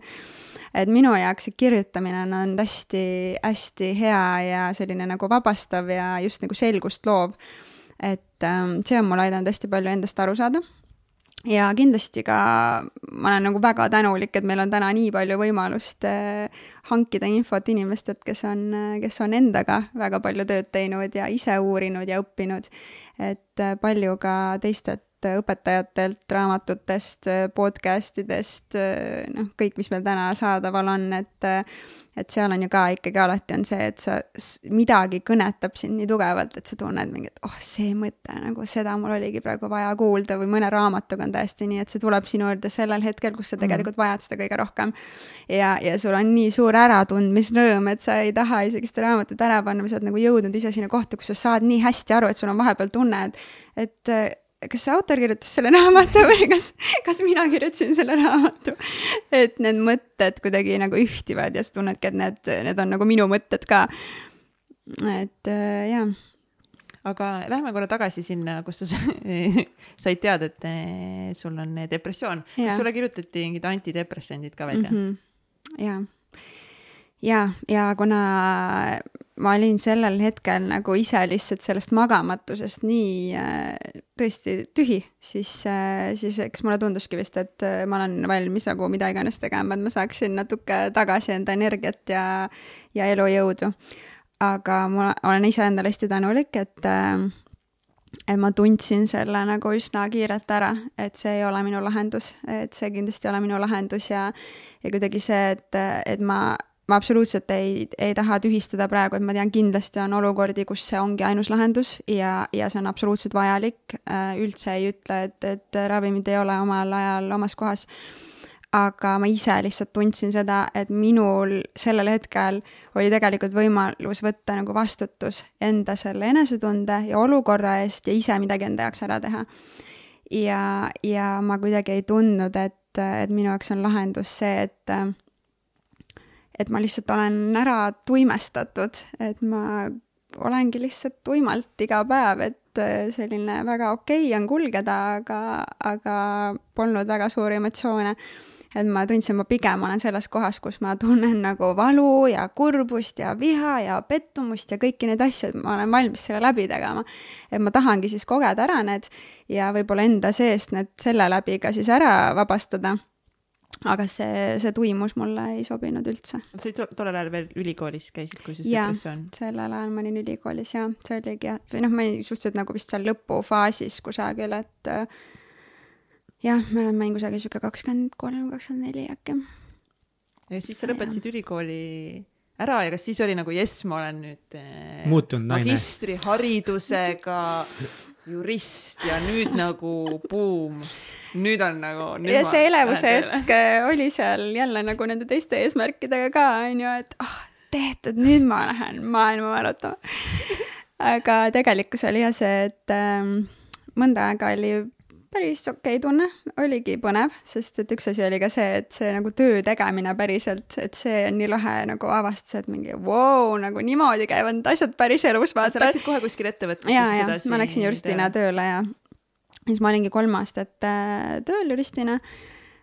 aga ma arvan, et kusagil sihuke paar aastat ma olin olnud ja siis ma ikka hakkasin nagu väga mõtlema, et hmm, et äh, midagi nagu ei ole päris see, et äh, ma lihtsalt tundsin, et see valdkond võib-olla kui lihtsalt liiga, liiga selline, mulle väga ei meeldi see sõna negatiivne, aga nagu liiga selline nagu tõsine, tõsiste teemadele keskenduv, et ma nagu oma isiksusena oli konflikt.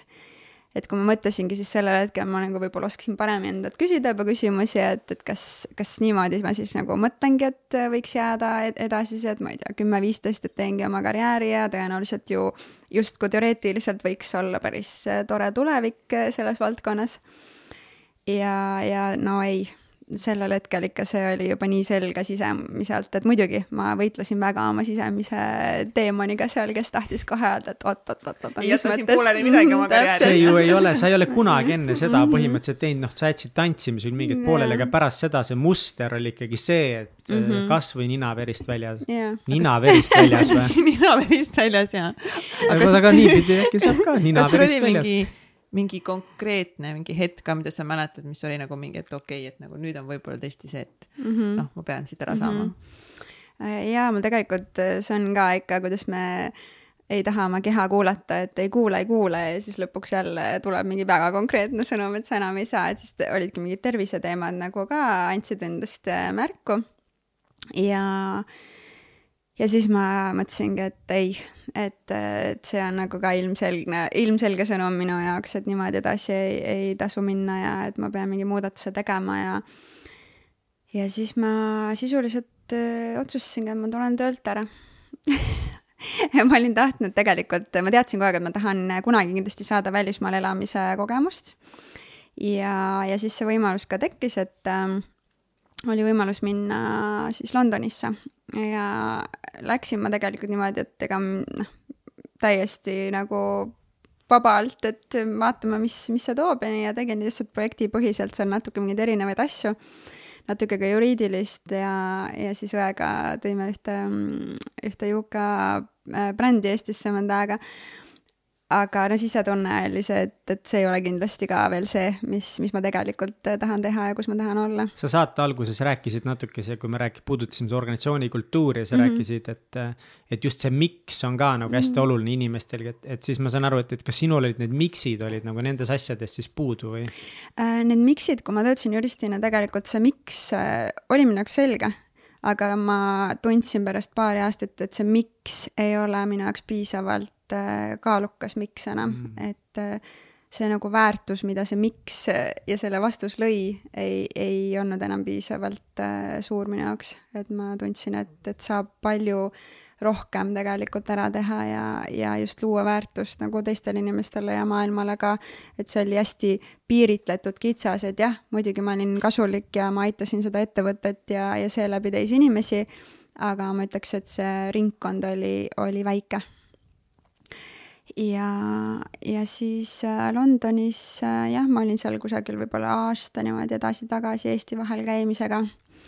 Ja siis ma jõudsingi siis äh, sõbranna kaudu sellise ettevõtteni nagu Mindvalley, lugesin, tegin mingi põhjaliku uurimustöö selle ettevõtte kohta, et mis nad siis teevad ja ja, ja see oli ka, pidi olema nagu õige hetk ja ajastus, sellepärast et ma olin tegelikult juba ma olen vähemalt mingi pool aastat sellega kursis olnud, aga alguses mind ju siis põhjusega veel ei kõnetanud ja siis ühel hetkel oli nagu täiesti, mis ettevõte see veel on ja et kas tõesti nagu sellist, sellist väärtust nad loovadki. ja siis äh, mõtlesin, et lähen äh,, tegin vist avalduse, tulin Eestisse äkki mm, ma ei tea, kas jõuludeks, mõtlesin, et seal tuleb teha see video cover letter on ju, tegin veel Eestis ära selle, mõtlesin, et noh, et siis lähen puhkama ma ei mäletagi, kas me äkki Mehhikosse vist läksime. Et äh, niikuinii keegi seal kohe ei reageeri ega midagi ja siis lõpuks oli nii, et kohe tulid vist kõik kolm intervjuud järjest, nüüd ma mäletan, kuidas ma Mehhikos siis otsisin kuskilt täiesti suvaliste nurgataguste tagant, et et internetti seal ilmselgelt ei ole nii nagu Eestis, et igal pool on internet olemas, on ju et siis äh, niimoodi palvetasin seal, et internet vastu peaks, et saaks intervjuud ära tehtud, et äh,. mis kohale sa kandideerisid? jah, sellega oli ka huvitav lugu, et ähm, kuna ma, meil on alati seal äh, careers leheküljel, siis on äh, saadaval olevad positsioonid, kuhu me parasjagu inimesi otsime. siis ma vaatasin neid positsioone sellel ajal ja no juriidilise taustaga ei otsitud mitte kedagi ja siis vaatasin, et kus mul siis kogemus on. ainus positsioon tundus, et noh, customer support, et klienditeeninduses nagu ikka kunagi töötasin, ma ei tea, enne ülikooli seal juuksurisalongis administraatorina ja lapsena müüsin jäätist no, ema kohvikus on ju, olemas klienditeeninduse kogemus. nagu valatud täpselt, et praktikat on olnud, et, et ma siis kandideerin sinna, et küll ma nagu ikka saan sinna sisse ära ja siis vaatame edasi, mis saab. ja, aga siis oligi niimoodi, et esimene intervjuu oli mul siis selle customer support'i tiimi juhiga ja siis siseinfona siis ma vist tookord sain teada, et et tema poolt oli ei, et, et ta arvaski, et, et ülekvalifitseeritud, et noh, arusaadav, et tema huvi ei ole see, et ta koolitab mind välja ja siis võib-olla kolm kuud ma teen tööd ja siis ütlen, et teate, ma ei taha enam nendele emailidele lihtsalt vastata või telefoni on ju vastu võtta. ja siis mul olid veel kaks intervjuud kus mind vist intervjueeriti, üks oli äkki web optimization tiim nagu valgusaastate kaugusel sellest, mis ma üldse kunagi nagu teinud olin. siis noh, why not, et uued algused, et nagu, et anname siis võimaluse. aga sealt ma ei, ma ei mäletagi isegi, ei suuda meenutada, mis selle nagu intervjuu nagu siis nagu tulem oli, igal juhul järgmisesse vooru mind saadeti. ja siis kolmas intervjuu siis äkki oligi juba ettevõtte juhiga siis kus siis tegelikult nagu natuke hakkas suund minema sinnapoole, et, et neil tegelikult otseselt ei ole kedagi, kes on aidanud nagu siis publishing tiimis tegeleda äh, selliste autorite lepingute ja juriidiliste asjadega ja, ja siis viimane neljas intervjuu oligi siis selle tollel ajal nagu selle publishing tiimi juhiga, kes siis äh, arvas ka, et aga et põhimõtteliselt loome siis selle positsiooni, mida võib-olla on vaja, nii et tegelikult nagu see oli ma tõesti, see oli ka minu jaoks nagu selline kinnitus, et kui sa lihtsalt usaldad ja, ja lähed oma südame järgi, siis tegelikult lõpuks lihtsalt kõik nagu need õiged asjad jõuavad sinuni, et tege-, ma ei oleks ju osanud oodatagi, et ma lõpuks nagu, see tegelikult toob mulle ka selle vastuse, et ma endiselt naudin ka juriidilist tööd, aga see peab olema nagu teine valdkond ja see peab olema siis kombinatsioonis millegi nagu loomingulisema ja sellise nagu suurema missiooniga, et siis mulle väga meeldib seda teha ja sellega täpselt nii läks, et selles mõttes kuidagi tundsingi, et, et kas oleks saanud nagu veel ideaalsemalt minna, et see positsioon üldse tekkis, mida tegelikult ei olnudki sisuliselt. tollel ajal sa olid ikka siis põhimõtteliselt elukohaga Londonis? siis ma olin veel Londonis ja, ja siis ma. ja see töökoht ei ole, ei olnud Londonis, mida sulle pakuti mm, -mm. nii, kus see oli? see oli Kuala Lumpur. korraks küsin, nagu miks sa arvad, et nagu see niimoodi läks, et miks sa arvad, et sulle ei öeldud lihtsalt sorry, meil nagu sa oled lahe, aga meil täna ei ole sulle töökohta mida sa tegid? aa, et miks nad nagu, ei öelnud, et ja, ei ole? mida mm -hmm. sa mhm. tegid nii sellist, et nad olid, et kuule, ma ei tea mm, -hmm. teeme neid intervjuusid mm -hmm. edasi ja mõtleme välja midagi um,? hea oleks nende käest küsida, aga kusjuures tegelikult äh, isegi kui ma seda video cover letter'it tegin, mis ma olin ikkagi näinud, vaadanud natuke ennem, et mida teised on teinud, sest paljudel on need avalikult üleval ka Youtube'is ja väga paljud inimesed näevad väga palju vaeva, nad reaalselt mõtlevad läbi, kuidas see skript on, nagu panevad mingi loo kokku, väga nagu sihuke noh, geniaalne lahendus on ju, ja siis ma sellel hetkel just tundsin, et ma ei hakka mitte midagi nagu etendama, et ma lihtsalt räägingi nagu otse südamest, miks ma arvan, et ma äh, saan neile väärtust luua ja miks ma tahan nende tiimiga liituda. ja ma tegin oma video lihtsalt kodupõrandal nagu diivani ees äh, kolm minutit äh, tuima kaamerasse rääkimist sisuliselt. et äh, võib-olla ongi see, et nad ka läbi nende intervjuude, mis me siis Skype'i vahendusel tegime, et nad lihtsalt tundsidki seda, et ma päriselt olengi kohas, kus ma tunnen, et ma kuulun nende tiimi ja et ma suudan, suudan seal väärtust luua. et ma täna arvan, et see oli hästi nagu õige tunne mõlemapoolselt, et ma olen seda öelnud ka siis Mindvalley juhile äh, Vishen Lakianile, et, et ma vahepeal unustan ära, et ma, et see ei ole minu ettevõte, et ma tõesti tunnen, et ma olen seitse, üle seitsme aasta nüüd äh, selle ettevõtte ka teinud tööd niimoodi, nagu see oleks minu enda ettevõte, et ma nagu oleksin selle juht, et ma päriselt hoolin selle käekäigust ja ei vaata nagu ainult oma rolli või et need, nüüd on need minu ülesanded, ma teen need ära, vaid et ma püüan vaadata kogu aeg, et kuidas ma saaksin veel kasulik neile olla. kas Kuala Lumpurisse kolimine siis tundus tol hetkel ilmaäratav või sulle öeldi, et no nii, et aga nüüd sa pead siia tulema või mm? -hmm jah, noh, keegi ei ütle, sa, sa ise tahad või ei taha, on ju. keegi ei ütle, et sa pead minema, aga see jah, sellel ajal kindlasti seda te... võimalust ei olnud, et sa. ikka, et juba, et sa kandideerid, et sa, et noh, kui sa saad, siis on mhm. Kuala Lumpur, on ju. Mhm. ma teadsin ja, ja oli väga hirmutav väga-väga hirmutav, et ma olen ikkagi, ma pigem ütleks, et ma olen selline memmemuna olnud äh, nagu oma elus, et et ma ikka pigem nagu tahaks olla siin nagu pere lähedal ja et kuna perega on nii lähisuhted ka olnud, et äh, oma inimeste ümber ja nii edasi, et siis see oli väga-väga hirmutav. Ja noh, kindlasti ka see, et nagu pere poolt tulev ikkagi mure on ju, et kuidas sa lähed nagu lihtsalt teise maailma otsa jätad kõik asjad, sa juba nagu töölt tulid ära, on ju, alustasid põhimõtteliselt nullist. ja noh, selle ettevõttega liitus seal Malaisias ka ilmselgelt ma nagu, mu palganumber tegelikult nagu vähenes päris oluliselt sellel hetkel. aga minu jaoks äh, kõik need, kõik need asjad lihtsalt ei kaalunud nagu üles teist poolt, mis ütles, et see on sinu asi ja mine ja, ja tee ja, ja see on sinu võimalus nagu esimest korda tõenäoliselt elus päriselt kuulata, mida sinu süda tahab teha ja mitte mõelda selle peale, et mida keegi teine tahab, mida mu pere tahaks, kas mu pere on mures minu pärast, kas ma olen kellelegi andnud mingi lubaduse, kas ma olen öelnud oma kaaslasele, et et ma ei koli ära või kolin ainult selleks ajaks ja nii edasi ja nii edasi ma lihtsalt otsustasin kuulata iseennast sada protsenti. ja sa olid suhtes siis mm? -hmm. kas sa oled selle inimesega siiamaani suhtes? ei mm. -hmm. kas sellepärast, et äh, see long distance või mm,? ei ütleks nii, äh, see long distance oli oluliselt pikem äh, meie suhtes, nii et, et jah mm, -hmm. see oli nagu oluliselt pikem protsess ja ja jah, aga seal tekkis korraks ka see, et kui ma olin aasta aega ära olnud Kuala Lumpuris, sest esialgne siis kokkulepe nii-öelda oligi see, et ma lähen aastaks, ma tahan lihtsalt nagu kogemust saada ja, ja vaadata, kuidas mujal elada on.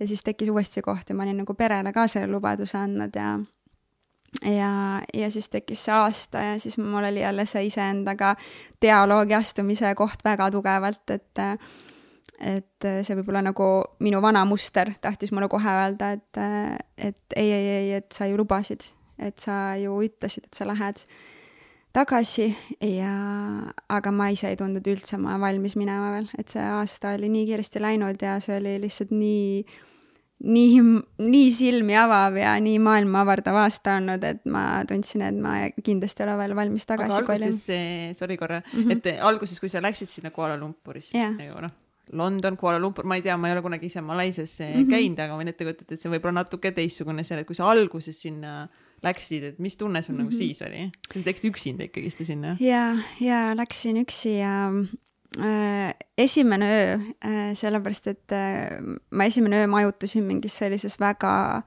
no väga, väga, väga, väga, väga tagasi tagasihoidlikes äh, tingimustes korteris, kes kindlasti ei olnud keegi mõelnud, et äh, nii tore, et üks äh, linnuke tuli mulle sinna tausta. ma pole kunagi kedagi kuulnud peldikut nii viisakalt kirjeldamas aitäh, et sa minu eest selle termini ära kasutasid. jah, võib öelda küll nii, et see oli väga kole. ja siis see öö ma küll kindlasti natukene pisardasin ennast magama ja mõtlesin, et mis mul arus oli, et miks ma seda tegin, sellepärast et mul justkui kõik nagu kõik oli väga-väga hästi elus. Ja, ja siis äh,, aga sealt edasi see lahendati kohe ära, selles mõttes, et see järgmine päev kohe töö poolt äh, organiseeriti nii, et ma sain nagu kenasse kohta ja kõik oli, kõik oli hästi. ja see oli ka ainus kord, ainus kord, kui ma mõtlesin, olen mõelnud, et, et see otsus võib-olla ei olnud kõige targem otsus äh,. pärast seda ma arvan, et see on mu eks elu parimaid otsuseid olnud no milline su elu siis seal Malaisias hakkas välja, välja nägema, uus töökoht, mis mm -hmm. sa seal mhm. täpselt tegema hakkasid, kuidas sul kogu see elu seal mm -hmm. oli? ja ma algselt siis äh, liitusingi selle publishing tiimiga, siis ma hakkasin äh, tegelema sellesama meditatsiooniäpi kõikide autoritega ja nende lepingutega. ja siis aasta vist tegingi äkki seda mm,. ja siis oli võimalus, et äh, et mulle pakuti, et kas ma sooviksin hakata seda publishing tiimi juhtima, kuna seal olid väiksed nagu muudatused tiimi sees. ja siis oligi see koht, kus mul oli siis, et kas ma kolin tagasi Eestisse või ma jään siia ja võtan selle pakkumise vastu. ja, ja õnneks ma vist olin selleks hetkeks juba sellise nagu tugevama närvi suutnud endas tekitada, et ma tõesti suutsin nagu need kõik need kõrvalised mõtted panna kõrvale ja, ja ikkagi valida selle tee, mis oli päriselt minu enda tee ja mis tundus mulle õige, ehk siis ma ütlesin, et jaa, muidugi, et ma jään edasi. kas sellise raske otsuse tegemisel, kas sul on mingid metoodikad ka või mingeid protsesse, mida sa läbi teed mm -hmm. või see on lihtsalt selline asi, et sa kõnnid mööda koridori ringi, iga päev mõtled sellele, kuni mingi hetk on otsus valmis mm -hmm. või, või on sul mingeid trikke mm, -hmm. nippe, süsteeme? see on ka jällegi nii, et erinevalt, et oleneb, millega ma parasjagu nagu tegelen enda peas või millele ma küsimust otsin, et vahepeal ma jällegi kasutan seda kirjutamistehnikat ja siis ma nagu väga konkreetselt eh, panen enda jaoks kirja, mis on minu jaoks need võib-olla plusspooled, miks ma tahan seda otsust teha, mis on võib-olla need pooled, mida, mis panevad mind veidi kõhklema. ja siis ma kindlasti kirjutan läbi oma hirmud, et mis mind hoiab tagasi seda otsust tegemast või, või jah, mis mind nagu takistab. ja siis ma püüan ka aru saada, et kas see hirm on siis nagu päris hirm või et kas see, kas, või isegi nagu siis ma tavaliselt ma analüüsin ka seda, et okei okay,, ütleme, et läheb nii, nagu ma kardan. et mis siis nagu see kõige halvem on, mis juhtuda saab ja, ja tegelikult läbi selle protsessi ma olen hästi palju nagu aru saanud ka sellest, et, et minu jaoks väga ei ole nagu selliseid nagu fail'e või et midagi läks nagu kohutavalt halvasti või milles peab nagu nii pettunud olema, sest et ma arvan, et kui mingi asi läheb teatud viisil, siis ta läheb just sellepärast nii, et sul ongi vaja seda kogemust. ja et kui see võib-olla selles hetkes sa ei saa aru, et see on nii raske, see on nii nagu halb ja sa ei taha sellega tegeleda, siis see on tõenäoliselt nagu suurim õppimiskoht, kust, kust edasi minna ja, ja aru saada, et, et mis see sulle õpetas et ähm.... Drop the mic. Sellest kohast võta, võtame need paar minutit välja, eraldi saade juba. Sest kõik eluprobleemid, mis teil on, lahendage nii. et see on jah, üks viis, kuidas ma olen äh, püüdnud enda jaoks neid, äh, aga vahepeal on ka see, et ma kuidagi lihtsalt äh, lähen magama ja mõtlen, et äh, hommik on targem kui õhtu mm, -hmm. et vahepeal õhtuks suudad ennast nii sinna kohta viia, kus sa lihtsalt kõik on nagu, kõik on nii krussis ja et kõik on lihtsalt, ei ole neid lahendusi, pigem on see üks pundar ja, ja tavaliselt elu tõestab, et järgmine hommik on targem ja, ja mõtted on hoopis helgemad ja, ja see lahendus tuleb, et vahepeal lihtsalt tuleb käia ka hästi nagu avatult ringi ja mõelda, et, et ma lihtsalt nagu usaldan, et, et ma teen selle õige otsuse, aga et mingid asjad toetavad mind või et ma saan nagu kusagilt tuleb mingisugune märgu, märguanne, sõnum, mis annavad siis mulle ka selle kindlustunde, et. sa oled see... Äh, väga palju head rääkinud Mindvalley'st või noh, selles mõttes nagu maininud siin-seal ja, ja me oleme kõik väga palju head mm. kuulnud Mindvalley'st. ja kolm aastat Kuala Lumpuris Mindvalley peakontoris, mis on negatiivsed pooled Mindvalley juures ja Kuala Lumpuris elamise juures mm? -hmm. kõik ei saa positiivne mm -hmm. olla. ei, kindlasti ei ole äh, või noh, jälle see positiivne, negatiivne on ju, et sõnad. aga mm, ongi üks, on, mis tekib nagu eelarvamus või eeldus, kui vaadata seda Mindvalley välispilti, et kõik arvavadki, et teil on ainult fun seal, teil on ainult üritused, teil on ainult peod, teil on kogu aeg mingi jube eneseareng ja kõik on nagu selline Jaa. roosa mannavaht et äh, ei ole, et äh, ma olen öelnud ka väga palju seda, kui, kui seda on kuidagi arvatud, et, et kas sa tööd ka üldse teed, et, et ma olen selle, selle aja jooksul tõenäoliselt teinud väga palju rohkem tööd, kui, kui on äh, nagu tavaliselt inimesed normajaga teevad, aga et ja see ongi see, et see ei sobi kõigile. Ja, ja seal tekib see, et see nägemus, et võib-olla isegi kui sa kandideerid sinna, siis äh, võib-olla sa nagu tahad näha seda, täpselt seda üli, üli, ülipositiivset poolt, kõike seda, mis on hästi hea ja siis sa kuidagi see reaalsus on nagu see, et, et selle kõige toredaga käib kaasas see, et sa pead ka väga palju panustama ja väga palju endast andma ja väga palju pingutama ja väga palju tööd tegema. et siis äh, on olnud juhtumeid jah, kus see lihtsalt, see võib-olla eeldus ja reaalsus ei ole kokku langenud ja, ja see ei olegi sobinud ja üks asi on kindlasti see, et see keskkond on lihtsalt nii kiiresti muutuv et äh, eks mul oli ka alguses võib-olla natuke keeruline, kuigi ma ei tunne, et ma kunagi oleksin sellega nagu väga tegelema pidanud. et tõesti, üks päev sa teed äh, mingi asja ära ja, aga järgmine päev on teine suund. et, et sa lihtsalt nagu pead saama aru sellest, et see ei ole mitte kuidagi seotud isiklikult sinu tööga, kas sa pani, tegid kvaliteetset tööd, vaid see on lihtsalt see, mis on nagu suures pildis oluline suund ettevõtte jaoks ja kas sa suudad sellega kaasa minna või ei suuda, et, et seda, seda ma olen ka päris ikkagi näinud mitmel korral, kus äh, see ei sobi kõigile, see keskkond, hästi kiire ja hästi kiiresti muutub. et sa pead olema kogu aeg valmis äh, kohanduma mm, -hmm. ennast kohandama ja, ja ma arvan, et enda ego kõrvale panema, et äh, väga sageli ei ole asjad mitte kuidagi seotud meiega, aga me tahame tohutult arvata, et, et kõik on minuga seotud ja maailm on minu vastu ja nii edasi, ei ole. on sul on neid hetki? aga kindlasti on olnud mm, -hmm, muidugi, kindlasti on olnud. aga jah, ma ütlengi, et ma olen lihtsalt äh, ma olengi tänulik sellele protsessile ja sellele nagu nendele etappidele, mis ma elus olen läbi teinud, et äh, ma tunnen täna, et ma äh, alati on arenguruumi, väga palju arenguruumi, alati on juurde õppida, aga ma tunnen, ma vähemalt täna olen kohas, kus ma nagu suudan selle kõrvaleastumise teha, et korraks vaadata kõrvalt ja analüüsida ja, ja aru saada, et kuidas need asjad suuremas pildis on, et mitte nagu näha hästi enesekeskselt ja mõelda, et, et asi on tingimata minuga seotud, et enamus kordi ei, absoluutselt ei ole. kes sind asju analüüsima õpetas? Kas juurateadusi nagu väga palju analüüs, mina olen analüütik oma töölt näiteks. aga ma, ma arvan, ma ei analüüsi nii palju kui sina. ma arvan kusjuures jaa, et see õigusteadus väga palju äh,, väga palju mõjutas seda ja mm -hmm. võib-olla ka kindlasti tegelikult ka ega see tantsumaailm, et, et sa pead kogu aeg analüüsima, mis läks valesti ja mis oli hästi ja, ja õppima oma vigadest, et ega väga palju oligi ju ka seda, et sa pead vaatama nagu läbi videot oma võistlusest ja aru saama, et kus sa oleksid saanud paremini teha või kus tuleks midagi muuta ja nii edasi, et kindlasti see mingil määral juba pani minusse selle nagu analüüsivõime ka sisse.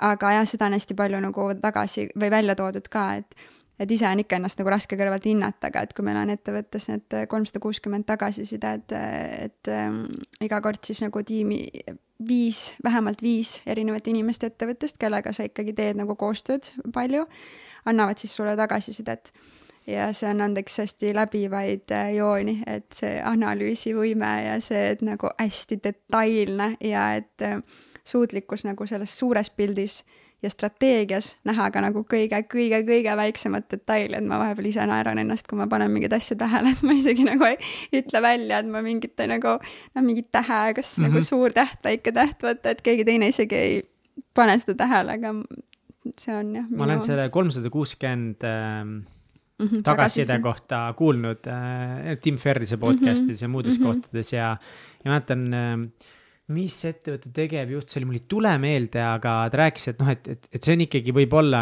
nii nagu toores või toores on vale mm -hmm. sõna, aga noh, niivõrd nagu konkreetne mm, -hmm. et võib nagu päris mehe ka nutma panna, et mm -hmm. mid, mid, kuida-, kas te teete seda kolmsada kuuskümmend tagasi, et nagu nii-öelda by the book kuskilt või mm, -hmm. või kuidas teil see kolmsada kuuskümmend käib ja kas see on mingi asi, mida võiksid inimesed teha ka nagu mingi väikestes Eesti mm -hmm. ettevõtetes? absoluutselt võiksid, et meil on see ka läbi aja muutunud, see formaat veidi. Ähm, et meil on oma nagu süsteem, kus me seda tagasisidet teeme, et on kindlad siis nagu küsimus, küsimustik, mida me täidame. ja need küsimused on ka aja jooksul muutunud ja meil pigem nagu aastas vahepeal oligi see, et me pidime hästi nagu teadlikult inimestele ütlema, et äh, see tagasiside on mõeldud ka selleks, et sa saaksid aidata inimesel areneda. ehk siis mm -hmm. nagu mhm. konstruktiivne tagasiside on väga okei okay.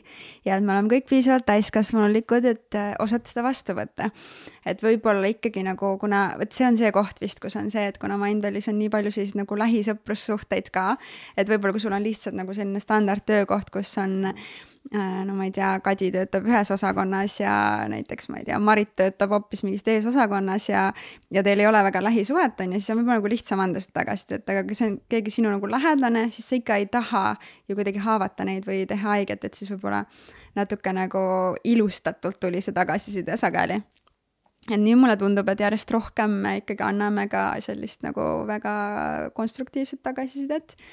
Ja, ja see ongi siis tavaliselt niimoodi, et sa iga siis tiimiliige korjab selle nagu kokku, viielt inimeselt vähemalt. ja siis äh, tiimi siis äh, nagu juht äh, siis arutab nagu iga tiimiliikmega, vaatab selle läbi äh,, analüüsivad püüavad aru saada, et kus, kus siis võib-olla nagu ongi arenguruumi, on ju, kus võib-olla inimene ei nõustu sellega, kus ta nõustub, mis ta arvab, et ta ise saab teisiti teha, et see on selline nagu jah, ikkagi nagu diskussioon ja, ja ei ole lihtsalt, et, et üks inimene nüüd ütles ära mm -hmm. nii mhm. ja, ja nii on. et vaid, et see on ikkagi arutelu pärast sellel teemal. milliseid tagasisidesid sina enda kohta oled saanud mm? -hmm millised kõige konstruktiivsemad on olnud? jaa, tead, ma vahepeal nagu olen ise ka öelnud inimestele, et palun andke nagu hästi ausat tagasisidet. Sellepärast, et äh, ma pean ütlema, et mul ei ole väga olnud äh, selline tavaliselt, noh, seal on eraldi, eraldi kast on see, kus on siis, et mis on need nagu asjad, millega ma saaksin nagu paremini toimetada või tulla toime et siis äh, hästi sageli on seal öeldud seda, et palun võta aega iseendale ja palun õpi rohkem delegeerima, et, et, et nagu pigem on nagu see murekoht, et kas sa ikka, kas sa ikka nagu võtad piisavalt aega puhkamiseks.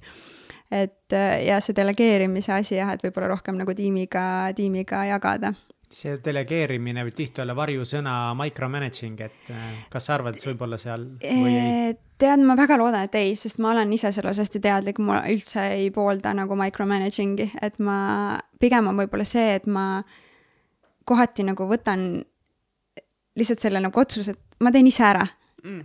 Aga et ma ei annagi nagu võib-olla nagu võimalust või jah, et aga ma ma tõesti loodan, et ma ei micromanage'i, et ma, mulle nagu meeldib see, et et esiteks ma arvan, et väga nagu sellist asja ei ole olemas, et sa saad täielikult fail ida, vaid et kui sa teed midagi nii, nagu ei olnud mm -hmm. ootus või eeldus, siis see on õppimiskoht. et sellepärast ma ka pigem nagu suhtun nii, et, et ma tahan usaldada, et igaüks, kellel parasjagu mingi ülesanne on ja samamoodi minu enda puhul, et ma teen selle parimal võimalikul viisil ja kui see ei tulnud välja nii, nagu oli ootus, siis, siis saab alati paremini teha. aga kes need tagasisidet annavad, et kas, kas seal on ka niimoodi, et, et nagu need peavad olema eri tasanditel, et sinust eh, nii-öelda sinuga samal tasemel mm -hmm. inimesed peavad sulle tagasisidet andma, sinust ka kõrgemal positsioonil nii-öelda ja madalamal? jah, sa võid, sa saad selles mõttes ise valida ja, ja kuna periooditi on sageli nii, et erinevate projektide raames sa teed koostööd erinevate inimestega, et meil on nii palju erinevaid tiime, on ju, Mindwellist, ma ei tea, vahepeal sa töötad rohkem üks pool aasta näiteks marketingi tiimiga, siis äh, disainitiimiga, noh, mis iganes, on ju et siis vastavalt sellele sa ise nagu tunnetad ka, et kellega ma siis selles äh, poolaastas tegin kõige rohkem koostööd, et kes oleks siis pädev praegu andma, et ei ole ka lihtsalt see, et ma kirjutan sulle kaks lauset, et et noh, tundub, et sa teed äh, nagu saad hästi oma asjadega hakkama, et kui sa päriselt ei ole temaga ikkagi lähedaselt koostööd teinud, et siis väga ei ole mõtet ka seda tagasisidet küsida, et ma. Need on anonüümsed ju mitte? ei. ei ole anonüümsed mm? -mm. Need okay. ei ole anonüümsed jah mm. -hmm. Mm. No ma ei tea, ma olen kuulnud palju äh, koledamaid lugusid, nii et, et kas sa oled väga tubli või siis teete väga pehmod seal kõik? No võta kinni jah. No pigem tubli. Aga ma arvan, et see taga, ma arvan, et äh, nagu tagasiside igas mõttes, et äh, see ei pea olema see süsteem, tagasisideks on nii palju erinevaid võimalusi, vaata, ma arvan, et tagasisidet peaks kasutama ka mitte töösuhetes, vaid nagu elus. Mm. -hmm elus tagasiside andmist, et äh, aitab, aitab areneda ja, ja muidugi tagasiside, ega see ongi alati ju see raskuskoht, et kõige lähedasematelt on kõige raskem tagasisidet vastu võtta, sest see tavaliselt läheb otse südamesse. ja see on tavaliselt ka õige mm. -hmm. see on tavaliselt ka õige see, mis on see, mis ise tead, et on õige, see ongi see kõige mhm. raskem. siis on, tuleb vahepeal ju tahe natuke seda tagasi põrgatada aga ma arvan, et see on hea, hea praktika, mida teha, et anda tagasisidet, ei ole mõtet äh, ei ole mõtet endale hoida, kui mingi asi vajab mm. väljendamist, et pigem ma arvan, et suurendab võimalust äh, konfliktiks, kui mitte öelda. aga sa oled Mindvalley's edasi, aga sa oled Eestis, mis värk sellega on mm? -hmm. ma olen Eestis ja nüüd juba neli aastat ja peale vist äh,. oligi niimoodi, et äh, kui sihuke kaks pool aastat mul sai täis seal Kuala Lumpuris, siis ma küll mõtlesin, et nüüd on ilmselt ikkagi see koht, kus ma pean mõtlema, et kas ma tahan siis äh, ära jääda Eestist või tagasi kolida ja ma olen selles mõttes ikka täitsa Eesti patrioot, et, et see variant minu jaoks ei ole olnud kunagi variant, et ma lähen ja jään. et ma teadsin, ma tulen kindlasti tagasi ja siis mulle tunduski, et, et seda aega pole nagu mõtet väga venitada ka seal, et liiga nagu pikaks, et seda raskem, ma arvan, mul on tagasi pärast siin nagu integreeruda ja, ja kuidagi, et kui ma alustan nagu hoopis millegi muuga aga siis me rääkisime ettevõtte juhiga Mindvalley's, et ma vist nüüd hakkan siis tagasi kolimise peale mõtlema ja siis samal ajal siis ka üks teine Eesti tüdruk, kes oli seal tööl, vaikselt mõtles ka neid mõtteid. ja siis, äh, siis äh, ta ütleski, et aga siis teeme siis Eestis kontori. ja, ja siis, mis mul sai selle vastu olla mis mul sai selle vastu olla, et mul oli võimalus nagu jätkata. aga no sellega muidugi kaasnes ka see, et ma ei saanud jätkata samas rollis, et ma ei saanud juhtida edasi publishing tiimi, kui ma olin distantsilt nii kaugel noh, kõik on tehtav, aga, aga see ei oleks olnud nagu väga, ma arvan äh,, mõistlik. ja siis oli jälle minu jaoks selline nagu mõnes mõttes algusest algamise hetk, et, et ma pidin siis valima, mida ma siis teha saan distantsilt ja, ja siis läks nii, et äh, sellega oli ka jälle huvitav, et ma olin enda jaoks kunagi mõelnud, kui ma üldse midagi muud tahaks Mindvalley's teha, et siis mis see võiks olla. ja siis mulle tundusid nagu üritused alati põnevad, et mm, võib-olla üritusi ja siis kuidagi äh, siis Mindvalley juht nagu pakkuski välja, et aga et äkki sa siis nagu mõtled ürituste peale.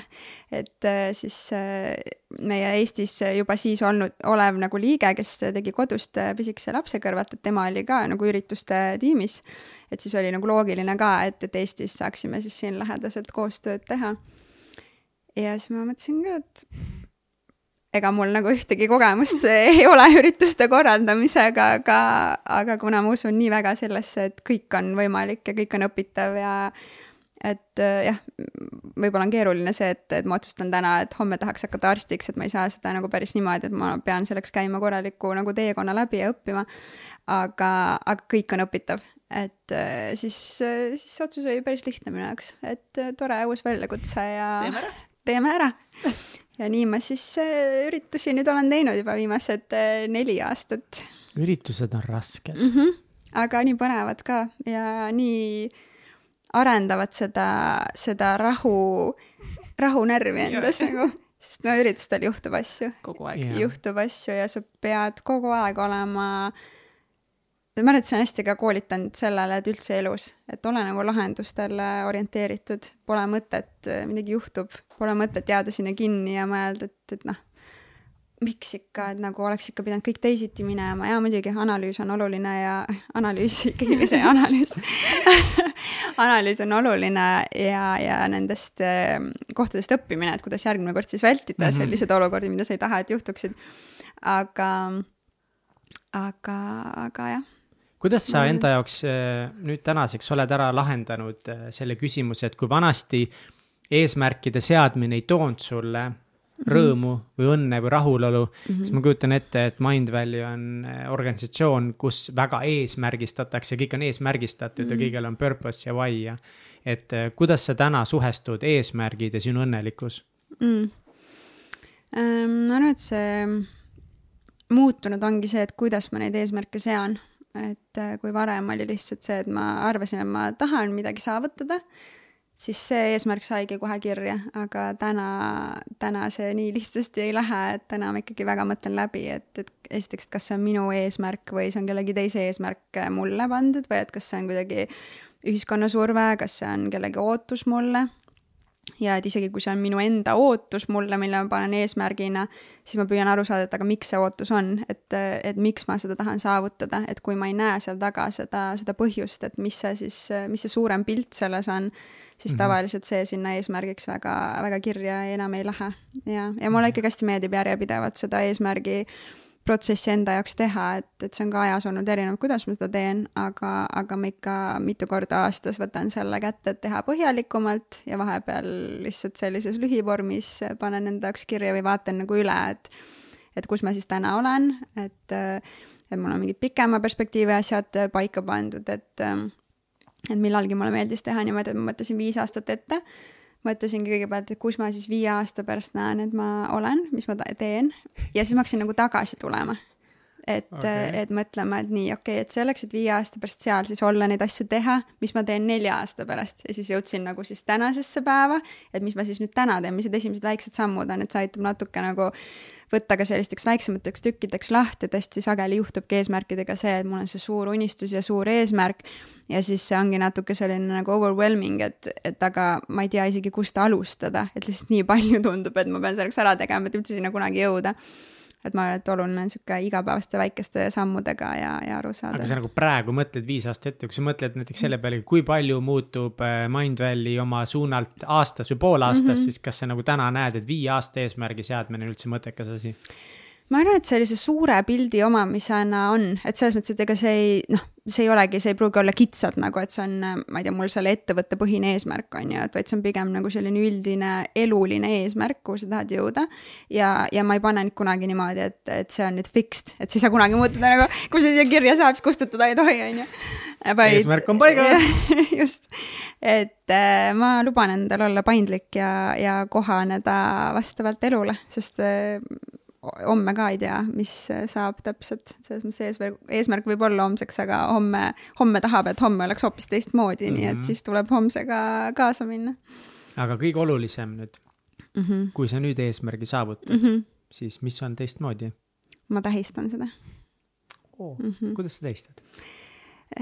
sõltub sõltub, mis tunne mul on äh, selles hetkes, aga, aga ma olen erinevate viise tähistanud, kas see võib olla lihtsalt see, et ma võtangi hetke ja ma olen hästi kohal ja ma teadvustan endale, et see eesmärk sai täide viidud ja et ma naudin seda tunnet, mitte ei teki see, et ahah, tore, lähme edasi.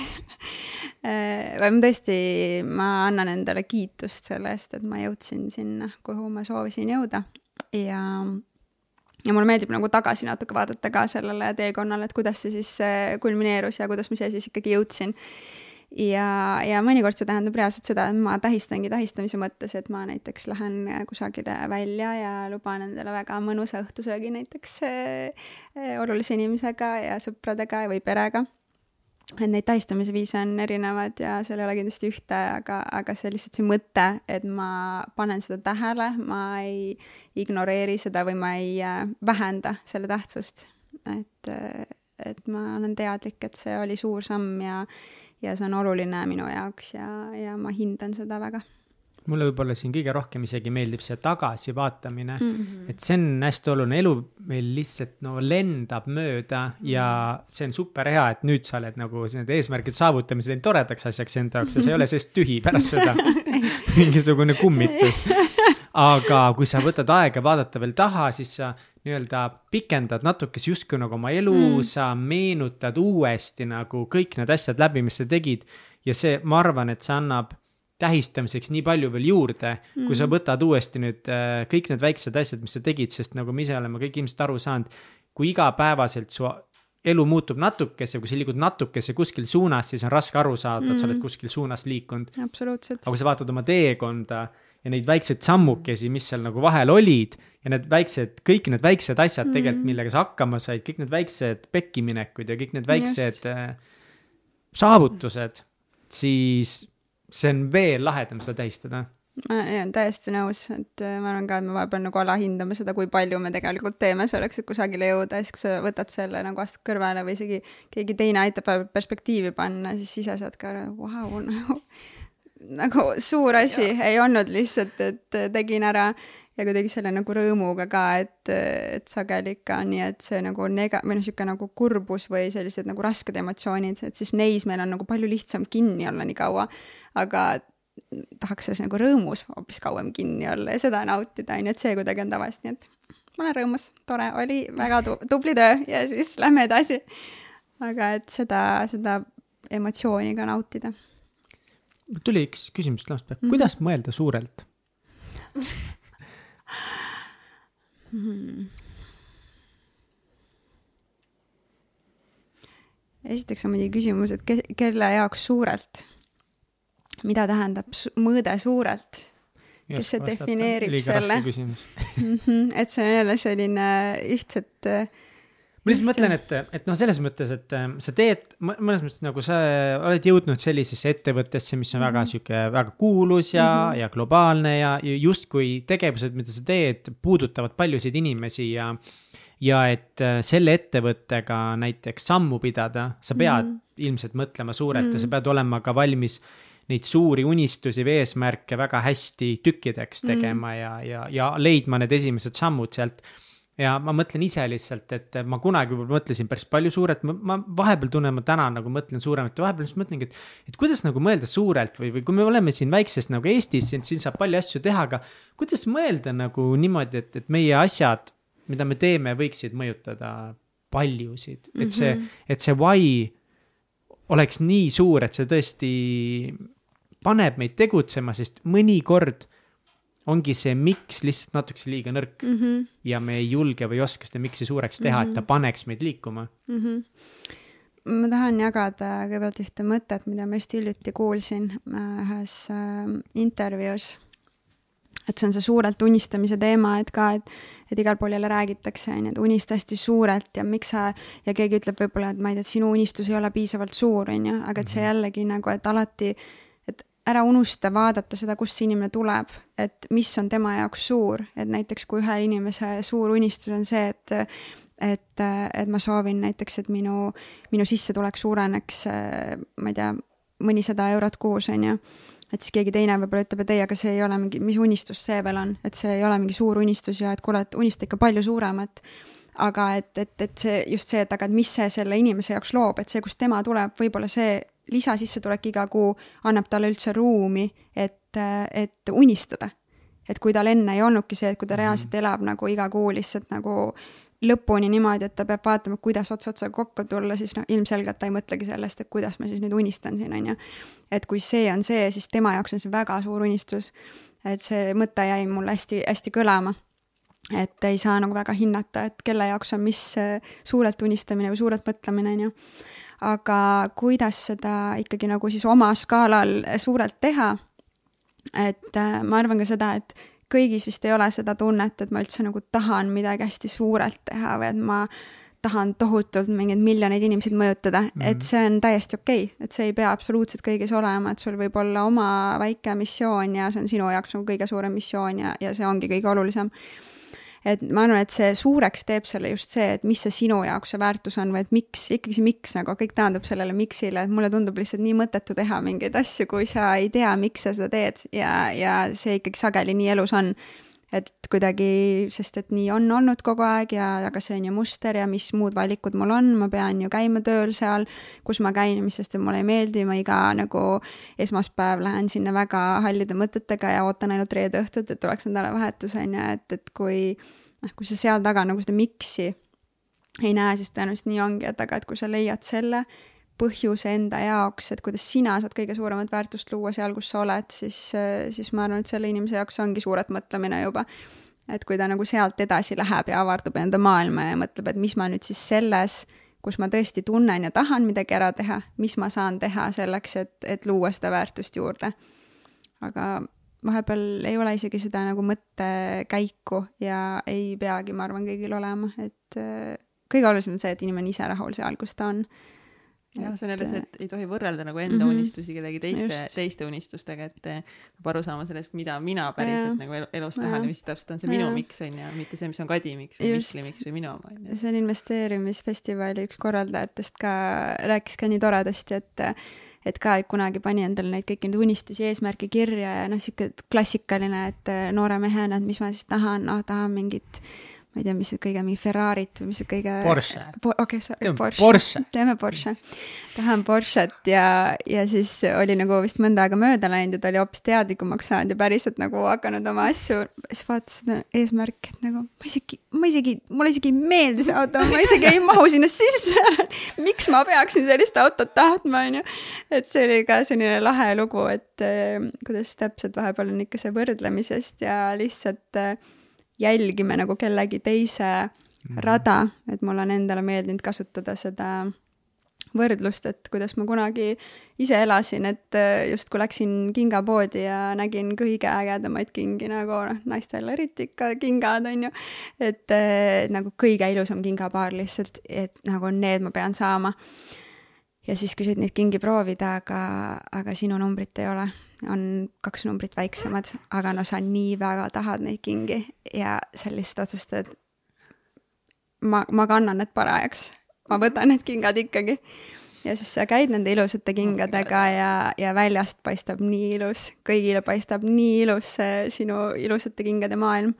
aga endal sisemiselt on kogu aeg nii-nii valus ja siis sa käid nende väikeste kingadega senikaua, kui tulevad väga-väga suured villid ja siis ühel hetkel see vill läheb väga valusasti katki. et see on, see on minu jaoks see analoog või metafoor natuke olnud, et kui sa püüad nagu teha seda, mida sa arvad, et keegi tahaks, et sa teeksid või et sa arvad, et ühiskond tahaks, püüad ennast panna mingisse keskkonda ja seal hoida, et äh, ega valutult see kindlasti ei möödu. jah, ma arvan, et senikaua, kuni me ei usu iseenda väärtusesse, siis me jäämegi taga ajama neid mm. Instagrami eesmärke. sest see on ainuke asi, kuidas me oskame endale see väärtus omastada mm.. ja ma selle mõttega kakssada protsenti nõus, et äh, ma üldse usun sellesse, et kõik algab iseendast ja sellest, kuidas me iseennast väärtustame ja hindame ja et kui seda ei ole, siis tegelikult see rahulolu ei saa minu arvates nagu mitte kuidagi saabuda, et see saab olla selline ajutine, ajutine rahulolu ja rõõm, aga sellist püsivat, püsivat rahulolu, ma arvan, ei saa tekkida, kui sa iseendaga rahul ei ole ja iseendaga parim sõber ei ole kui kõik asjad saavad alguse iseendast, siis täitsa pekkis saade, aga lõpeb alati välkküsimustega. ja, aga ma ei tea, ma muidugi ei küsinud Kadi ah, sorry, käest. küsi, küsi kõik, mis tahad. ei, ma muidugi küsin Kadi. ma mõtlesin, et see oli nii hea segue lihtsalt ja, ja, et mis, et kõigepealt, et mis kell peab kindlasti siit ära minema, sest kell on neli juba Eh, mul ei ole seda ajalist piirangut no,, aga meil on lihtsalt üks väga suur teema lihtsalt rääkimata Kadiga, mis. siis kui... meil on aega mega palju. ei, mitte väga, võtame selle ühe teema. kuidas aeg neli sai, on minu küsimus pigem okay. See läheb. vaatasid siin mulle otsa ja, ja ongi kell neli. et eh, kui me kokku saime, siis ütlesid ka, et üks sinu elu, veel üks suurimaid eh, väljakutseid oli see, et kui sa pidid siis eh, umbes kaheksasaja inimese ette astuma ja siis enda ka isiklikku lugu eh, jagama. räägi natuke sellest, miks see oli sinu jaoks nii hirmus, kuidas mm -hmm. sa selle ära tegid ja mis sa seal üldse laval siis rääkisid mm? -hmm.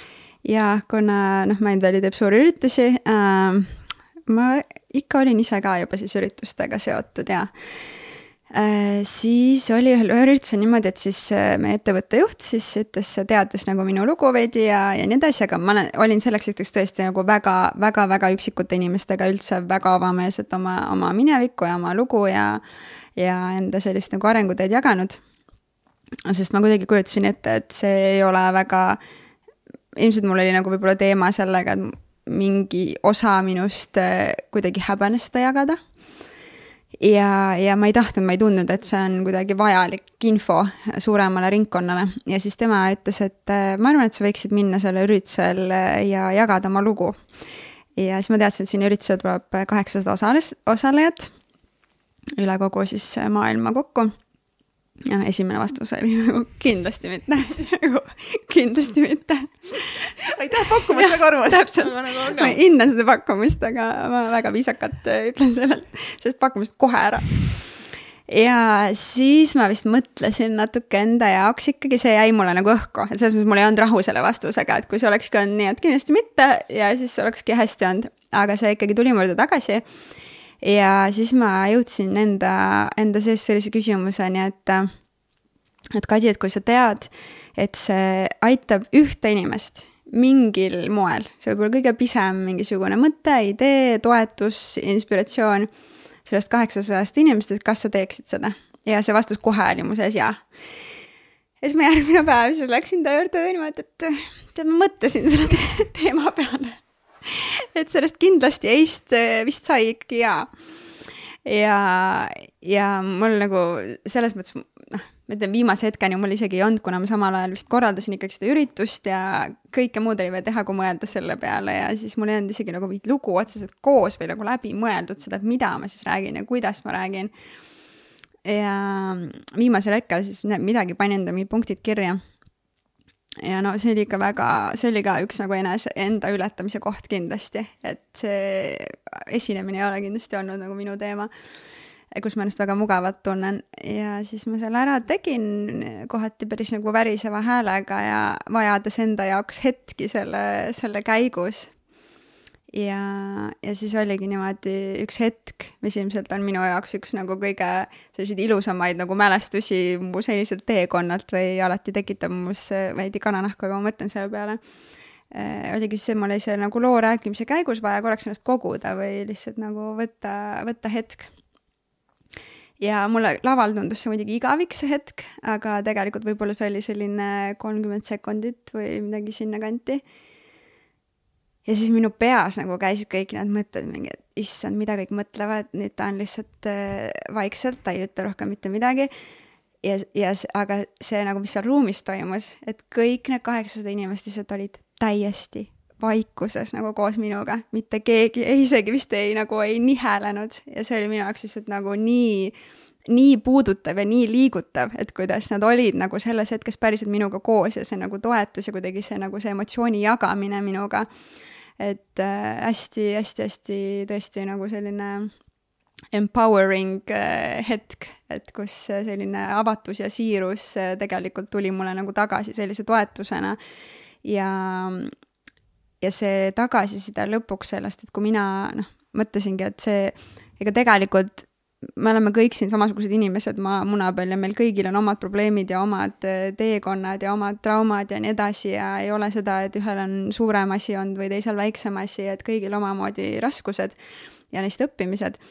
et siis ma kuidagi sellel hetkel mõtlesingi, et see lugu ei ole nagu mitte midagi erilist, et see noh, inimestel on palju suuremaid ja palju problemaatilisemaid ja palju raskemaid äh, teekondi, mida käia aga, aga tegelikult see tagasiside pärast inimestelt näitas see, mulle, et mis see fookus sul siis sellel mm -hmm. lool nagu oli, oli tol hetkel? sisuliselt äh, oligi tegelikult see, millest me siin just hiljuti mm -hmm. ka mhm. rääkisime, ma tõin selle kinga metafoori kusjuures seal ka, et see nagu kellegi teise teekonna käimine ja enda mittekuulamine ja usaldamine ja, ja kuhu tegelikult sa võid sealt jõuda, kus sa päriselt ükskord hakkad nagu enda südant kuulama, et, et ma natuke rääkisingi sellest, et kuidas ma jõudsin sealt, kus ma siis olin äh, väga sellises hallis kohas äh, sellel hetkel siis sinna kohta, kus ma olin ja, ja seal olid veel nagu mingid väga toredad kokkusattumised, et mingitest esimestest raamatutest, mis mu teele sattusid, et, et sellel päeval ma reaalselt nagu nende inimestega koos töötasingi, keda ma siis sellel hetkel olin seal raamatust lugenud ja mõelnud, et nagu vau wow,, nagu kui inspireerivad mõtted, on ju, ja siis äh,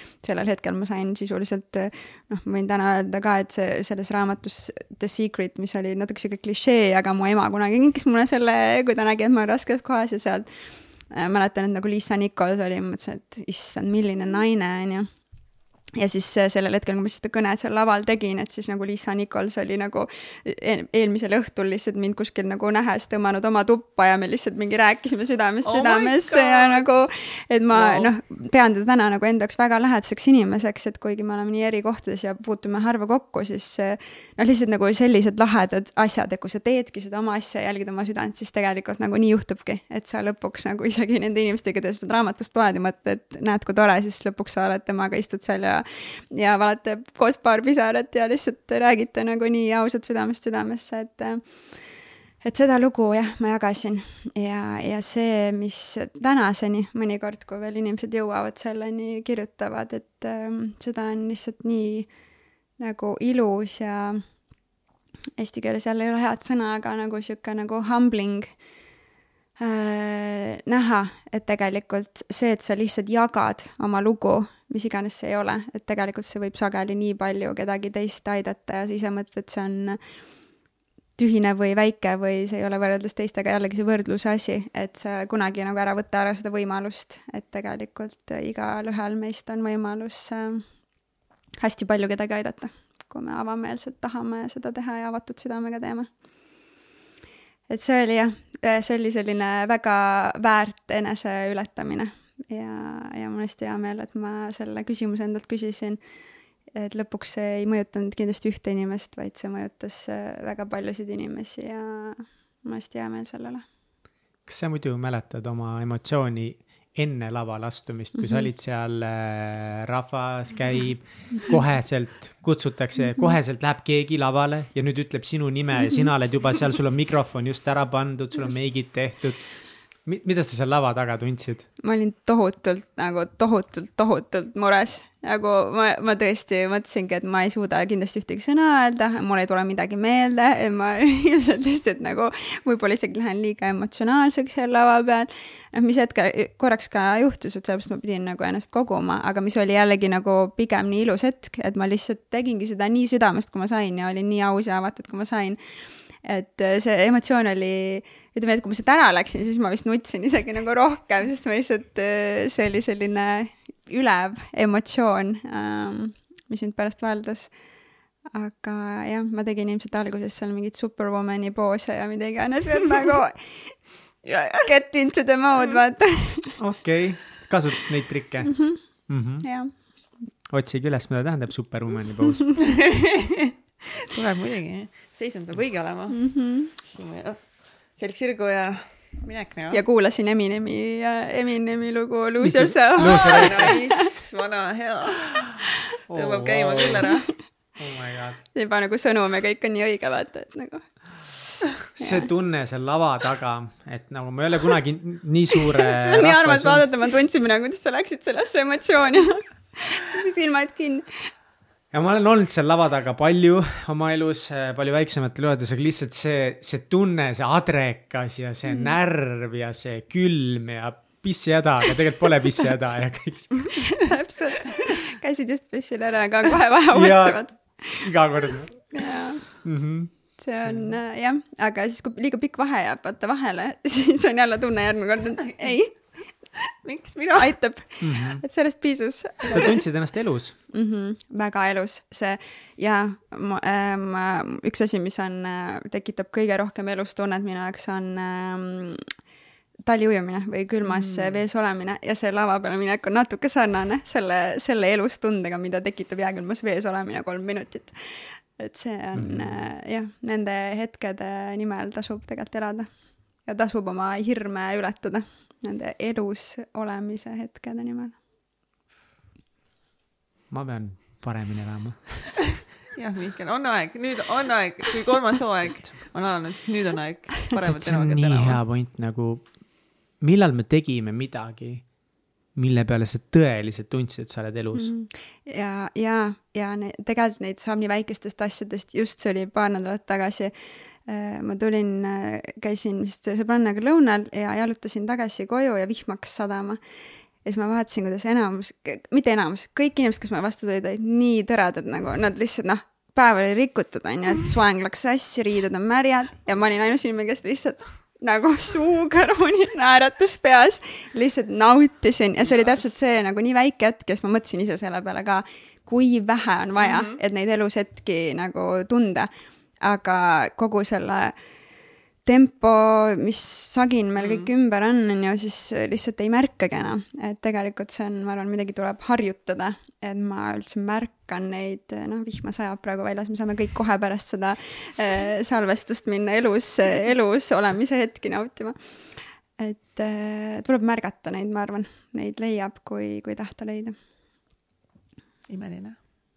meil on vist nüüd aeg minna veel küsimuste juurde lihtsalt, sest me oleme kaks tundi vestelnud. nüüd, kuidas on Segway või Segway eesti keeles? kas teab keegi hmm,? mingi nagu, ül, ei. nagu suu, mitte üleminek, nagu üleminek, no kuidagi mingi üleminek. ma otsetõlget isegi jah, ei, ei tea. ma vaatan. suunamine üle. suuna, ma vaatan seda äh, Late Night Tonight või John Oliver mm, -hmm, ma ei mäleta mm -hmm. kuidas see on mm, -hmm. mulle hullult meeldib ta ja nad teevad seal hästi naljakas siukseid nagu segway'sid, et teevad mm -hmm. mingi mhm. nalja. ja siis kuidagi lähevad üle sujuvalt selle, ma olen ka mõelnud, päris kihvt oleks, kui ma oskaks iga kord kuidagi hästi kihvtilt sisse juhatada need välkküsimused, et noh ma hakkan mõtlema, proovima. harjuta, iga ma kord proovi mingit uut äh, viisi mm, -hmm. vaata mm. -hmm. siis leiad oma. aga meil on see, et nagu, et me kunagi Katsiga tegelikult meil, meil ei ole kunagi kokku lepitud täpselt, et noh, millal me lõpetame mm, -hmm. et, et kindlasti on siis, kui me teame, et noh, vaata, keegi peab minema mingi mm -hmm. punkt, eks ole lõpetame ära või seda, aga mõnikord ongi see, et nagu üks tunneb, et äkki külalisi on juba hilja, mõnikord teine tunneb nagu mm. ja siis vahepeal ongi, et lõpetame ära, siis teeme mingi ei veel lõpetame, aa ah, okei okay,, ei lõpeta veel cool, sobib me peame ikka mingi code name'id välja mõtlema, aga, aga ilma igasuguse segway'ta täna lähme lihtsalt otse asja juurde. jaa, otse kohe. kas sul on olulisi rutiine või harjumusi, mida sa teed igapäevaselt või iganädalaselt? on, need ajas muutuvad, aga mis on sellised läbivamad olnud, on äh, see hetkede võtmine.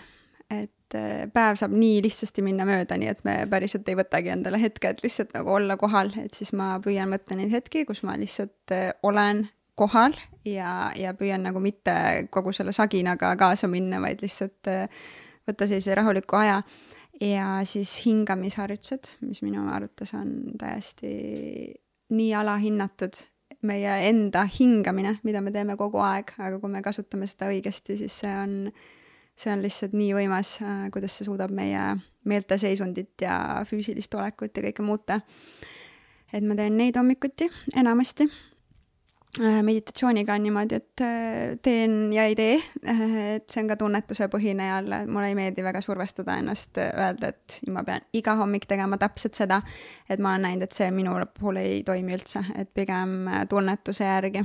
Ja, ja siis äh, sageli ka ikkagi natuke liigutamist hommikul, et see võib olla viis minutit mingit venitamise harjutusi või kiirjooga või, või mis iganes või jalutuskäik tööle või siis intensiivsem äh, trenn, et äh, lihtsalt keha saaks liikuma.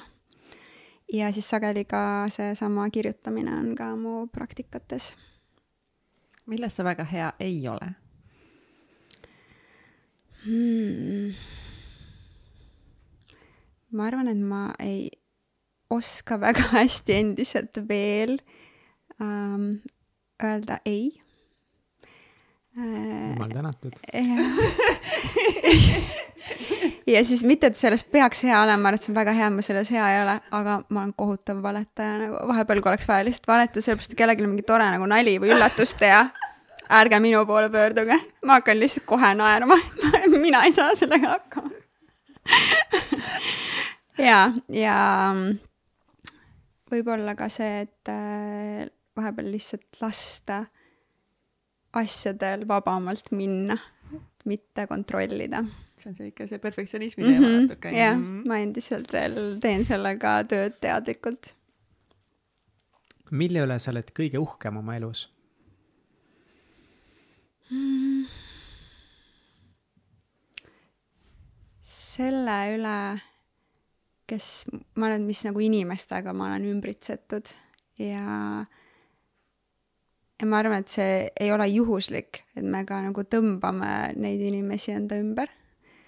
ja ehk siis nagu see ka, et ma olen uhke selle, selle teekonna või õppimiste üle, mis tegelikult mu elus on olnud ja et ma olen vahepeal ka väga vastumeelsed need ikkagi vastu võtnud ja, ja nendega tegelenud, et äh, jah nende heade inimeste üle, kes mu ümber on. Mis on kõige pöörasem asi, mis sa elus teinud oled ja kas sa teeksid seda uuesti?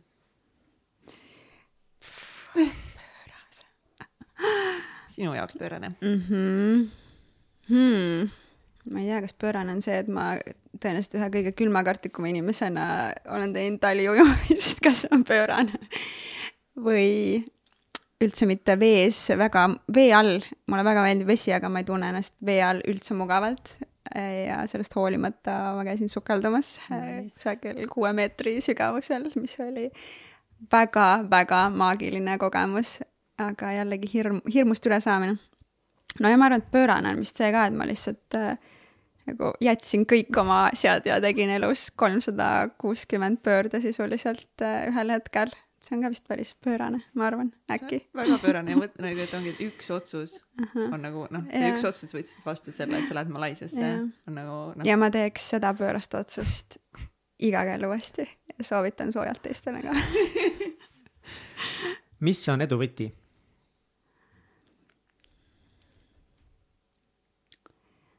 Mm, ma tuleks ikkagi tagasi siin selle juurde, et äh, oma asja ajamine et ma arvan, et ei, ei ole, nagu sa teed lihtsalt nii südamest mingit asja, millesse sa usud ja, ja muidugi sellel peab olema mingi positiivsem, suurem mõju ka, et kui sa ajad mingit kahtlast nagu asja, mis mitte kuidagi kedagi ei teeni, siis ilmselgelt ei, aga aga kui sa teed asja, mis loob väärtust ja sa teed seda südamega, siis ma olen täiesti kindel, et, et edu on garanteeritud, et see ei saa valesti minna. minu küsimus või? Jah yeah. Eh, skaalal ühest kümneni, kui veider sa oled mm,? veider jälle, mis mõttes on ju, ma võin mingites asjades väga veider olla, ma täiesti kindel, mingid, mõned inimesed arvavad, nagu väga veider. mingit oma va-, no ma arvan, ma olen veider kas või selle poolest, kus ma käin ringi ja siis nagu naeratan seal vihmas ja nagu võiks keksida või et ma käin vahepeal metsas puid kallistamas või et see kõlab nagu väga vuu-vuult paljudele inimestele, aga mul on sellised oma nagu veidrused, et ma jah, ma võin mingitest väga nagu väikestest asjadest vaimustuda eh, omal viisil kuidas sa nagu skaalaliselt hindad oma okay. veidrusi? ütleme, et kui ma kõikide erinevate valdkondade veidrused kokku võtan, siis äkki ma olen näiteks, no ma väga veider ka ei ole, ma ütleks, et ma olen äkki viis, kuus kohe lasi, kohe, kohe lasi mõjutada Mihkli näol nagu kohe tõus mingi, tegelikult ma olen ikka mingi seitse. viie, kuue, aga kusjuures selle veidruse teemaga on jälle vaata see, et äh, ma mäletan, ma lapsena nagu olingi selline, et ma võisin nagu täiesti suvalistel hetkedel hakata nagu mingi ise lihtsalt lõbustasin ennast, nagu ma hakkasin naerma nagu südamest, vaata onju, ja siis nagu lihtsalt kõrvad nagu on mingi mm, kas on kõik hästi, et äh, sa oled päris veider. ja, ja ma tean, et siis ühel hetkel ma nagu tajusingi seda, vaata, et ma pean endal seda nagu rõõmu või seda nagu vaimustust keelama, et, et see on nagu veider, et see ei ole nagu okei okay et, et sa lihtsalt nagu hakkad südamest naerma mingite asjade peale, on ju, et sa ei suuda naeru vaata nagu peatada mm, -hmm. sa oled lihtsalt et nagu no neid lugusid on küll ja veel, kuidas ikka koolis no lihtsalt ei suutnudki naeru peatada, vaata, et lõpuks õpetaja saatis ukse taha, et mine siis naera ennast tühjaks. et ähm, jah, ma arvan, et see veidruse kontroll on olnud täiskasvanu eas veidi peal. aga nii, et viis või kuus ikkagi viis koma viis. viis koma viis täna. kui oleks, kui meil oleks mingi protesteerimise nupp või mingi koht, kus ma saaksin oma, kui ma saaksin oma avaldust arva, avaldust arvada sinna, kui ma saaksin oma avaldust arvada, siis ma ütleks, et no kindlalt mingi üheksa. just nii, kõige paremas mõttes. kui palju sa raamatuid ma tänan. loed, ma tean juba, et väga palju ma loen, aga ma tahaksin, ma tahaksin veel äh, rohkem lugeda ma tahaksin veel rohkem aega. Sa tahtsid selle ära välistada või? jah. ära välista. ma olen küll temaga nagu kuulanud erinevaid lõike siin ja seal, aga ma ei ole seda raamatut. see on jälle see vana hea eeldamine. algusest lõpuni läbi lugenud. laske Miša keegi sisse vanaealaske Miša siis. külaline Miša, äkki ta aitab mul valida? Miša on meil monteerija. ei äh,, keegi ei saa peale sinu valida, me oleme iga kord väga karmid. küsimus nagu eh, sinu raamatu lugemise kohta mm, -hmm. siis, siis lähme mm -hmm. edasi sinu kingituste juurde nii. kui palju sa loed raamatuid., loe, kui palju sa loed täna, täna raamatuid?